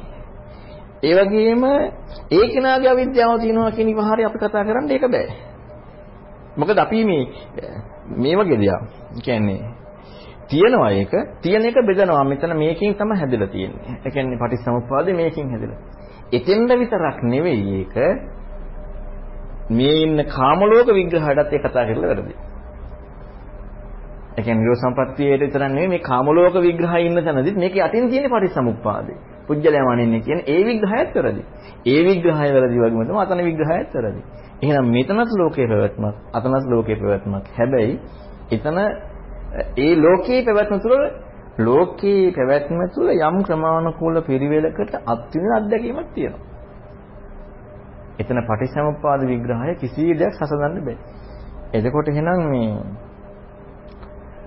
අන්න අතන විග්‍රහය සතිපට්ඨාන විග්‍රහයේදී සතිපට්ඨාන විග්‍රහයේදී කාය වචී චිත්ත සංස්කාර තුනම සංසිඳුණා. ඒ කියන්නේ තුනම ඉක්මෙව්වා. මේ තුනම ඉක්මේ දැන දැක මොකද චිත්ත සංස්කාරය කියන එක චිත්ත සංස්කාරයක් බව හැබෑවටම දැන ඉක්මවන්න බෑ. හැබැයි අර අසංඤී බව එයා තේරුම් ගත් අසංඤී සංඥාවක් නැති වුණට ගියා. නමුත් හැබෑවටම මේ චිත්ත සංස්කාරයක් ඉක්මවපු කාරණාවක් නෙමෙයි. දැන් මේ වේදනානුපස්සනාව වෙනකොට ඔක්කොම ටික ඉක්මෙව්වා. සංස්කාර තුනම ඉක්මවලා. කාය, වචී, චිත්ත. එතනත් ප්‍රවැත්මක් හැබැයි තියෙනවා. ප්‍රවැත්ම නැති වෙලා නැහැ. අන්න මේ බලන්න මේ ඊතරවන මග විග්‍රහ කරනකොට ලෝක ප්‍රඥප්ති සියලු දේවලුත් ඉක්ම විලා යන විග්‍රහයක් බුදුනවාස් පෙන්වා දෙලා තියෙනවා. ඊතරවන මග විග්‍රහ කරනකොට අන්න ඊතර වීම හරියටම බුදුරණවහන්සේ මේක පණවන්න යනවා. ඊතර වීම කියන්නේ මොකද්ද කියන කාරණා. දැන් මේකෙදි සමහර කෙනෙක් නිර්ණය කරන්න ඇති දැන් ගොඩක් අපි අනාගාමී කෙනානේ මේකට සමවදින්න කියලා කතා කරන්නේ. මොකද මේ විග්‍රහයේදී සමාදාහං චිත්තං විමෝචයන් චිත්තං කියන කාරණාව සේක වෙච්ච කෙනා ප්‍රත්‍යක්ෂ සමාධිය කියන එක අනාගාමී බව කාමරාග පටික ඉක්මවපු කෙනාටනේ හම්බෙන්නේ. කාමරාග පටික ඉක්මවපු කෙනාට තමයි සමාධි සම්පන්න. එතකොට ඒක නිසා ඒ විග්‍රහයත් එක්ක යන නිසා දන්නේ නැහැ අතීත ඉඳලා යම් දෙයකින් අනාගාමී කෙනා මේකට සම්බන්ධින්නේ කියන විග්‍රහය වෙලා තියෙනවා. මොකද චිත්ත සංචිත්ත සමාදාන චිත්තං කියන කාරණා අනාගාමී කෙනාට නේ හම්බෙන්නේ. ඒ කියන්නේ අනාගාමී කෙනා නිකමරක් කොට ගෙදරු වෙන්නේ. ඒ නිසා වෙන්නත් පුළුවන් එහෙම හම්බ එහෙම එන්නත් ඒ විග්‍රහය. බුදුරණවහන්සේම කියලා නැහැ. ඒ මෙතන මේ විග්‍රහයත් එක්ක වෙන්න පුළුවන් සසඳන ඇවිල්ලා තියෙනවා. එතකොට මෙතන එහෙනම් මේ අර මම පැනවීම කියන කාරණාව සම්පූර්ණ ඉක්ම වෙලා අන්න දැන් අපි අර මම බෙදලා බලන්නේ මගේ හිතට ආව අරමුණ. එහෙම එකකින් තොරව අසඤ්ඤය කියන්නේ මගේ හිතට ආව අරමුණක් ඔන්න අපිට ඒක බෙදලා බලන්නත් බෑ. එහෙම එකකින් තොරව සිත දකින්නවා කියන එක සිත දකින්නවා දැන් අපිට අනික් වෙන හිතනවා කියන එක තේරුම් ගන්න පුළුවන් ඇත්තටම. දකින්නවා කියන කාරණා සිත සිත එක්ක හිතනවා කියනකොට අපිට ඒක නිකන් පරස්පරයි වගේනේ. අන්න දකිමින් වාසය කරනවා කියන එකට ඒ නිර්වචනයේ කොච්චර ගැළපෙයිද? අන්න හරියටම චිත්තයේ චිත්තානුපස්සේ විහෙරති. හිත දකිමින් වාසය කරනවා කියන කාරණා. ඒක තමයි චිත්තානුපස්සනාව හරියටම වැඩෙන කාරණා. හැබැයි මේ ඔක්කොම වඩන්න පුළුවන් කෙනෙකුට මොකද මුලින් ඉඳලා වඩන එකක් තියෙනවනේ. වඩන්න පුළුවන්. හැබැයි මාර්ගයේ හැටියට වැඩෙනකොට ප්‍රත්‍යක්ෂී ගොරෝසු හම්බෙන්නේ ප්‍රායෝගිකව ඇත්තටම හම්බෙන දේ තියෙනවානේ. අරක මට හම්බෙන දේ. මේක ඇත්තටම ප්‍රතිපදාව යනකොට හම්බෙන දේ. අරක මම තේරුම් ගන්න යන කාරණා. ඔන්න විදිහට මේ ප්‍රතිපදාවේ ගමන් කරන ක්‍රම දෙක තියෙනවා.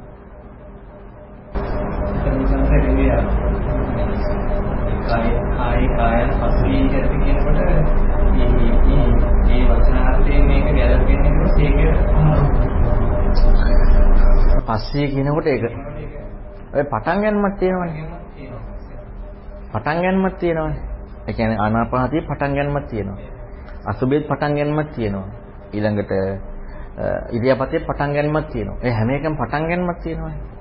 ඒක නිසා පටන් ගන්න පුළුවන් ඕන කෙනෙක්. අන්න ඒකයි අර මොකද පදේශද කියන සූත්‍රයක් තියෙනවා ප්‍රතිපට්ඨාන. පදේශ වගේ මට මතක තුන් විදිහක් විග්‍රහ කරනවා. රහතන් වහන්සේගේ විදිය, ශේකයාගේ විදිය, පුතඥයාගේ. පහේ පුතඥ ඒ කියන්නේ ආපු කෙනාගේ ඒ කියන්නේ පුතඥ කියලා නේ වචන විවහාර කරන්නේ ධර්මයේ දැන් මුලින් නවක පැවිද්ද. නවක පැවිද්දට. එතකොට පටන් ගැනීමක් තියෙනවා.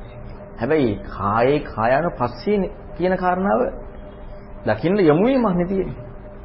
දැකීම කියන කාරණාවනේ. දකින්න පස්සේ කියන්න ඒ ඇහැ කියන කාරණාවත් එක්ක තමයි කතා කරන්නේ.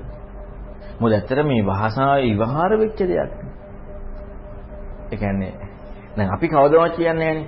අපි මනසින් දකිමින් වාසය කරනවා කියලා අපි අපි කවදාවත් කියන්නේ නැහැ අපි හිතින් දකිමින් එන හිතින් හිතමින් අපි විවහාර කරන්නේ. ඒ කියන්නේ ඒක භාෂා විවහාරය. එතකොට පස්සේ කියනකොට දැකීම කියන විවහාරේ අනික බුදුන් වහන්සේ විමර්ශති තියෙනවද ඒක? පරිමංශති කියන මේ විග්‍රහය තියෙනවනේ. පදෙස නෙවෙයි. තව එකක් මම දැන තියෙනවා. ඒක මට මතක නෑ මොකද්ද නම කියලා. පදෙස නෙමෙයි කියනවා. කොහමද අර තුන් දෙනාගේ වෙන විග්‍රහ තුනක් තියෙනවා. මේක පදෙස නෙමෙයි පදෙසගේ පදෙස කොටසක් වැඩි වීම සහ සම්පූර්ණ වීම සේක. එකයි දෙකයි කතා කරන්නේ. නෑ ඇත්තටම හැම දෙයකින්ම අපට යෝනිසෝ මනසිකාරයට දෙයක් උපදින්නට ඕනේ. ඒ කියන්නේ යෝනිසෝ මනසිකාරයට දෙයක් ඉපදීමත් එක්ක තමයි එතනින් එහාට කියන්නේ මාර්ගය කියන එක සැසඳෙන එක නෙමෙයිනේ.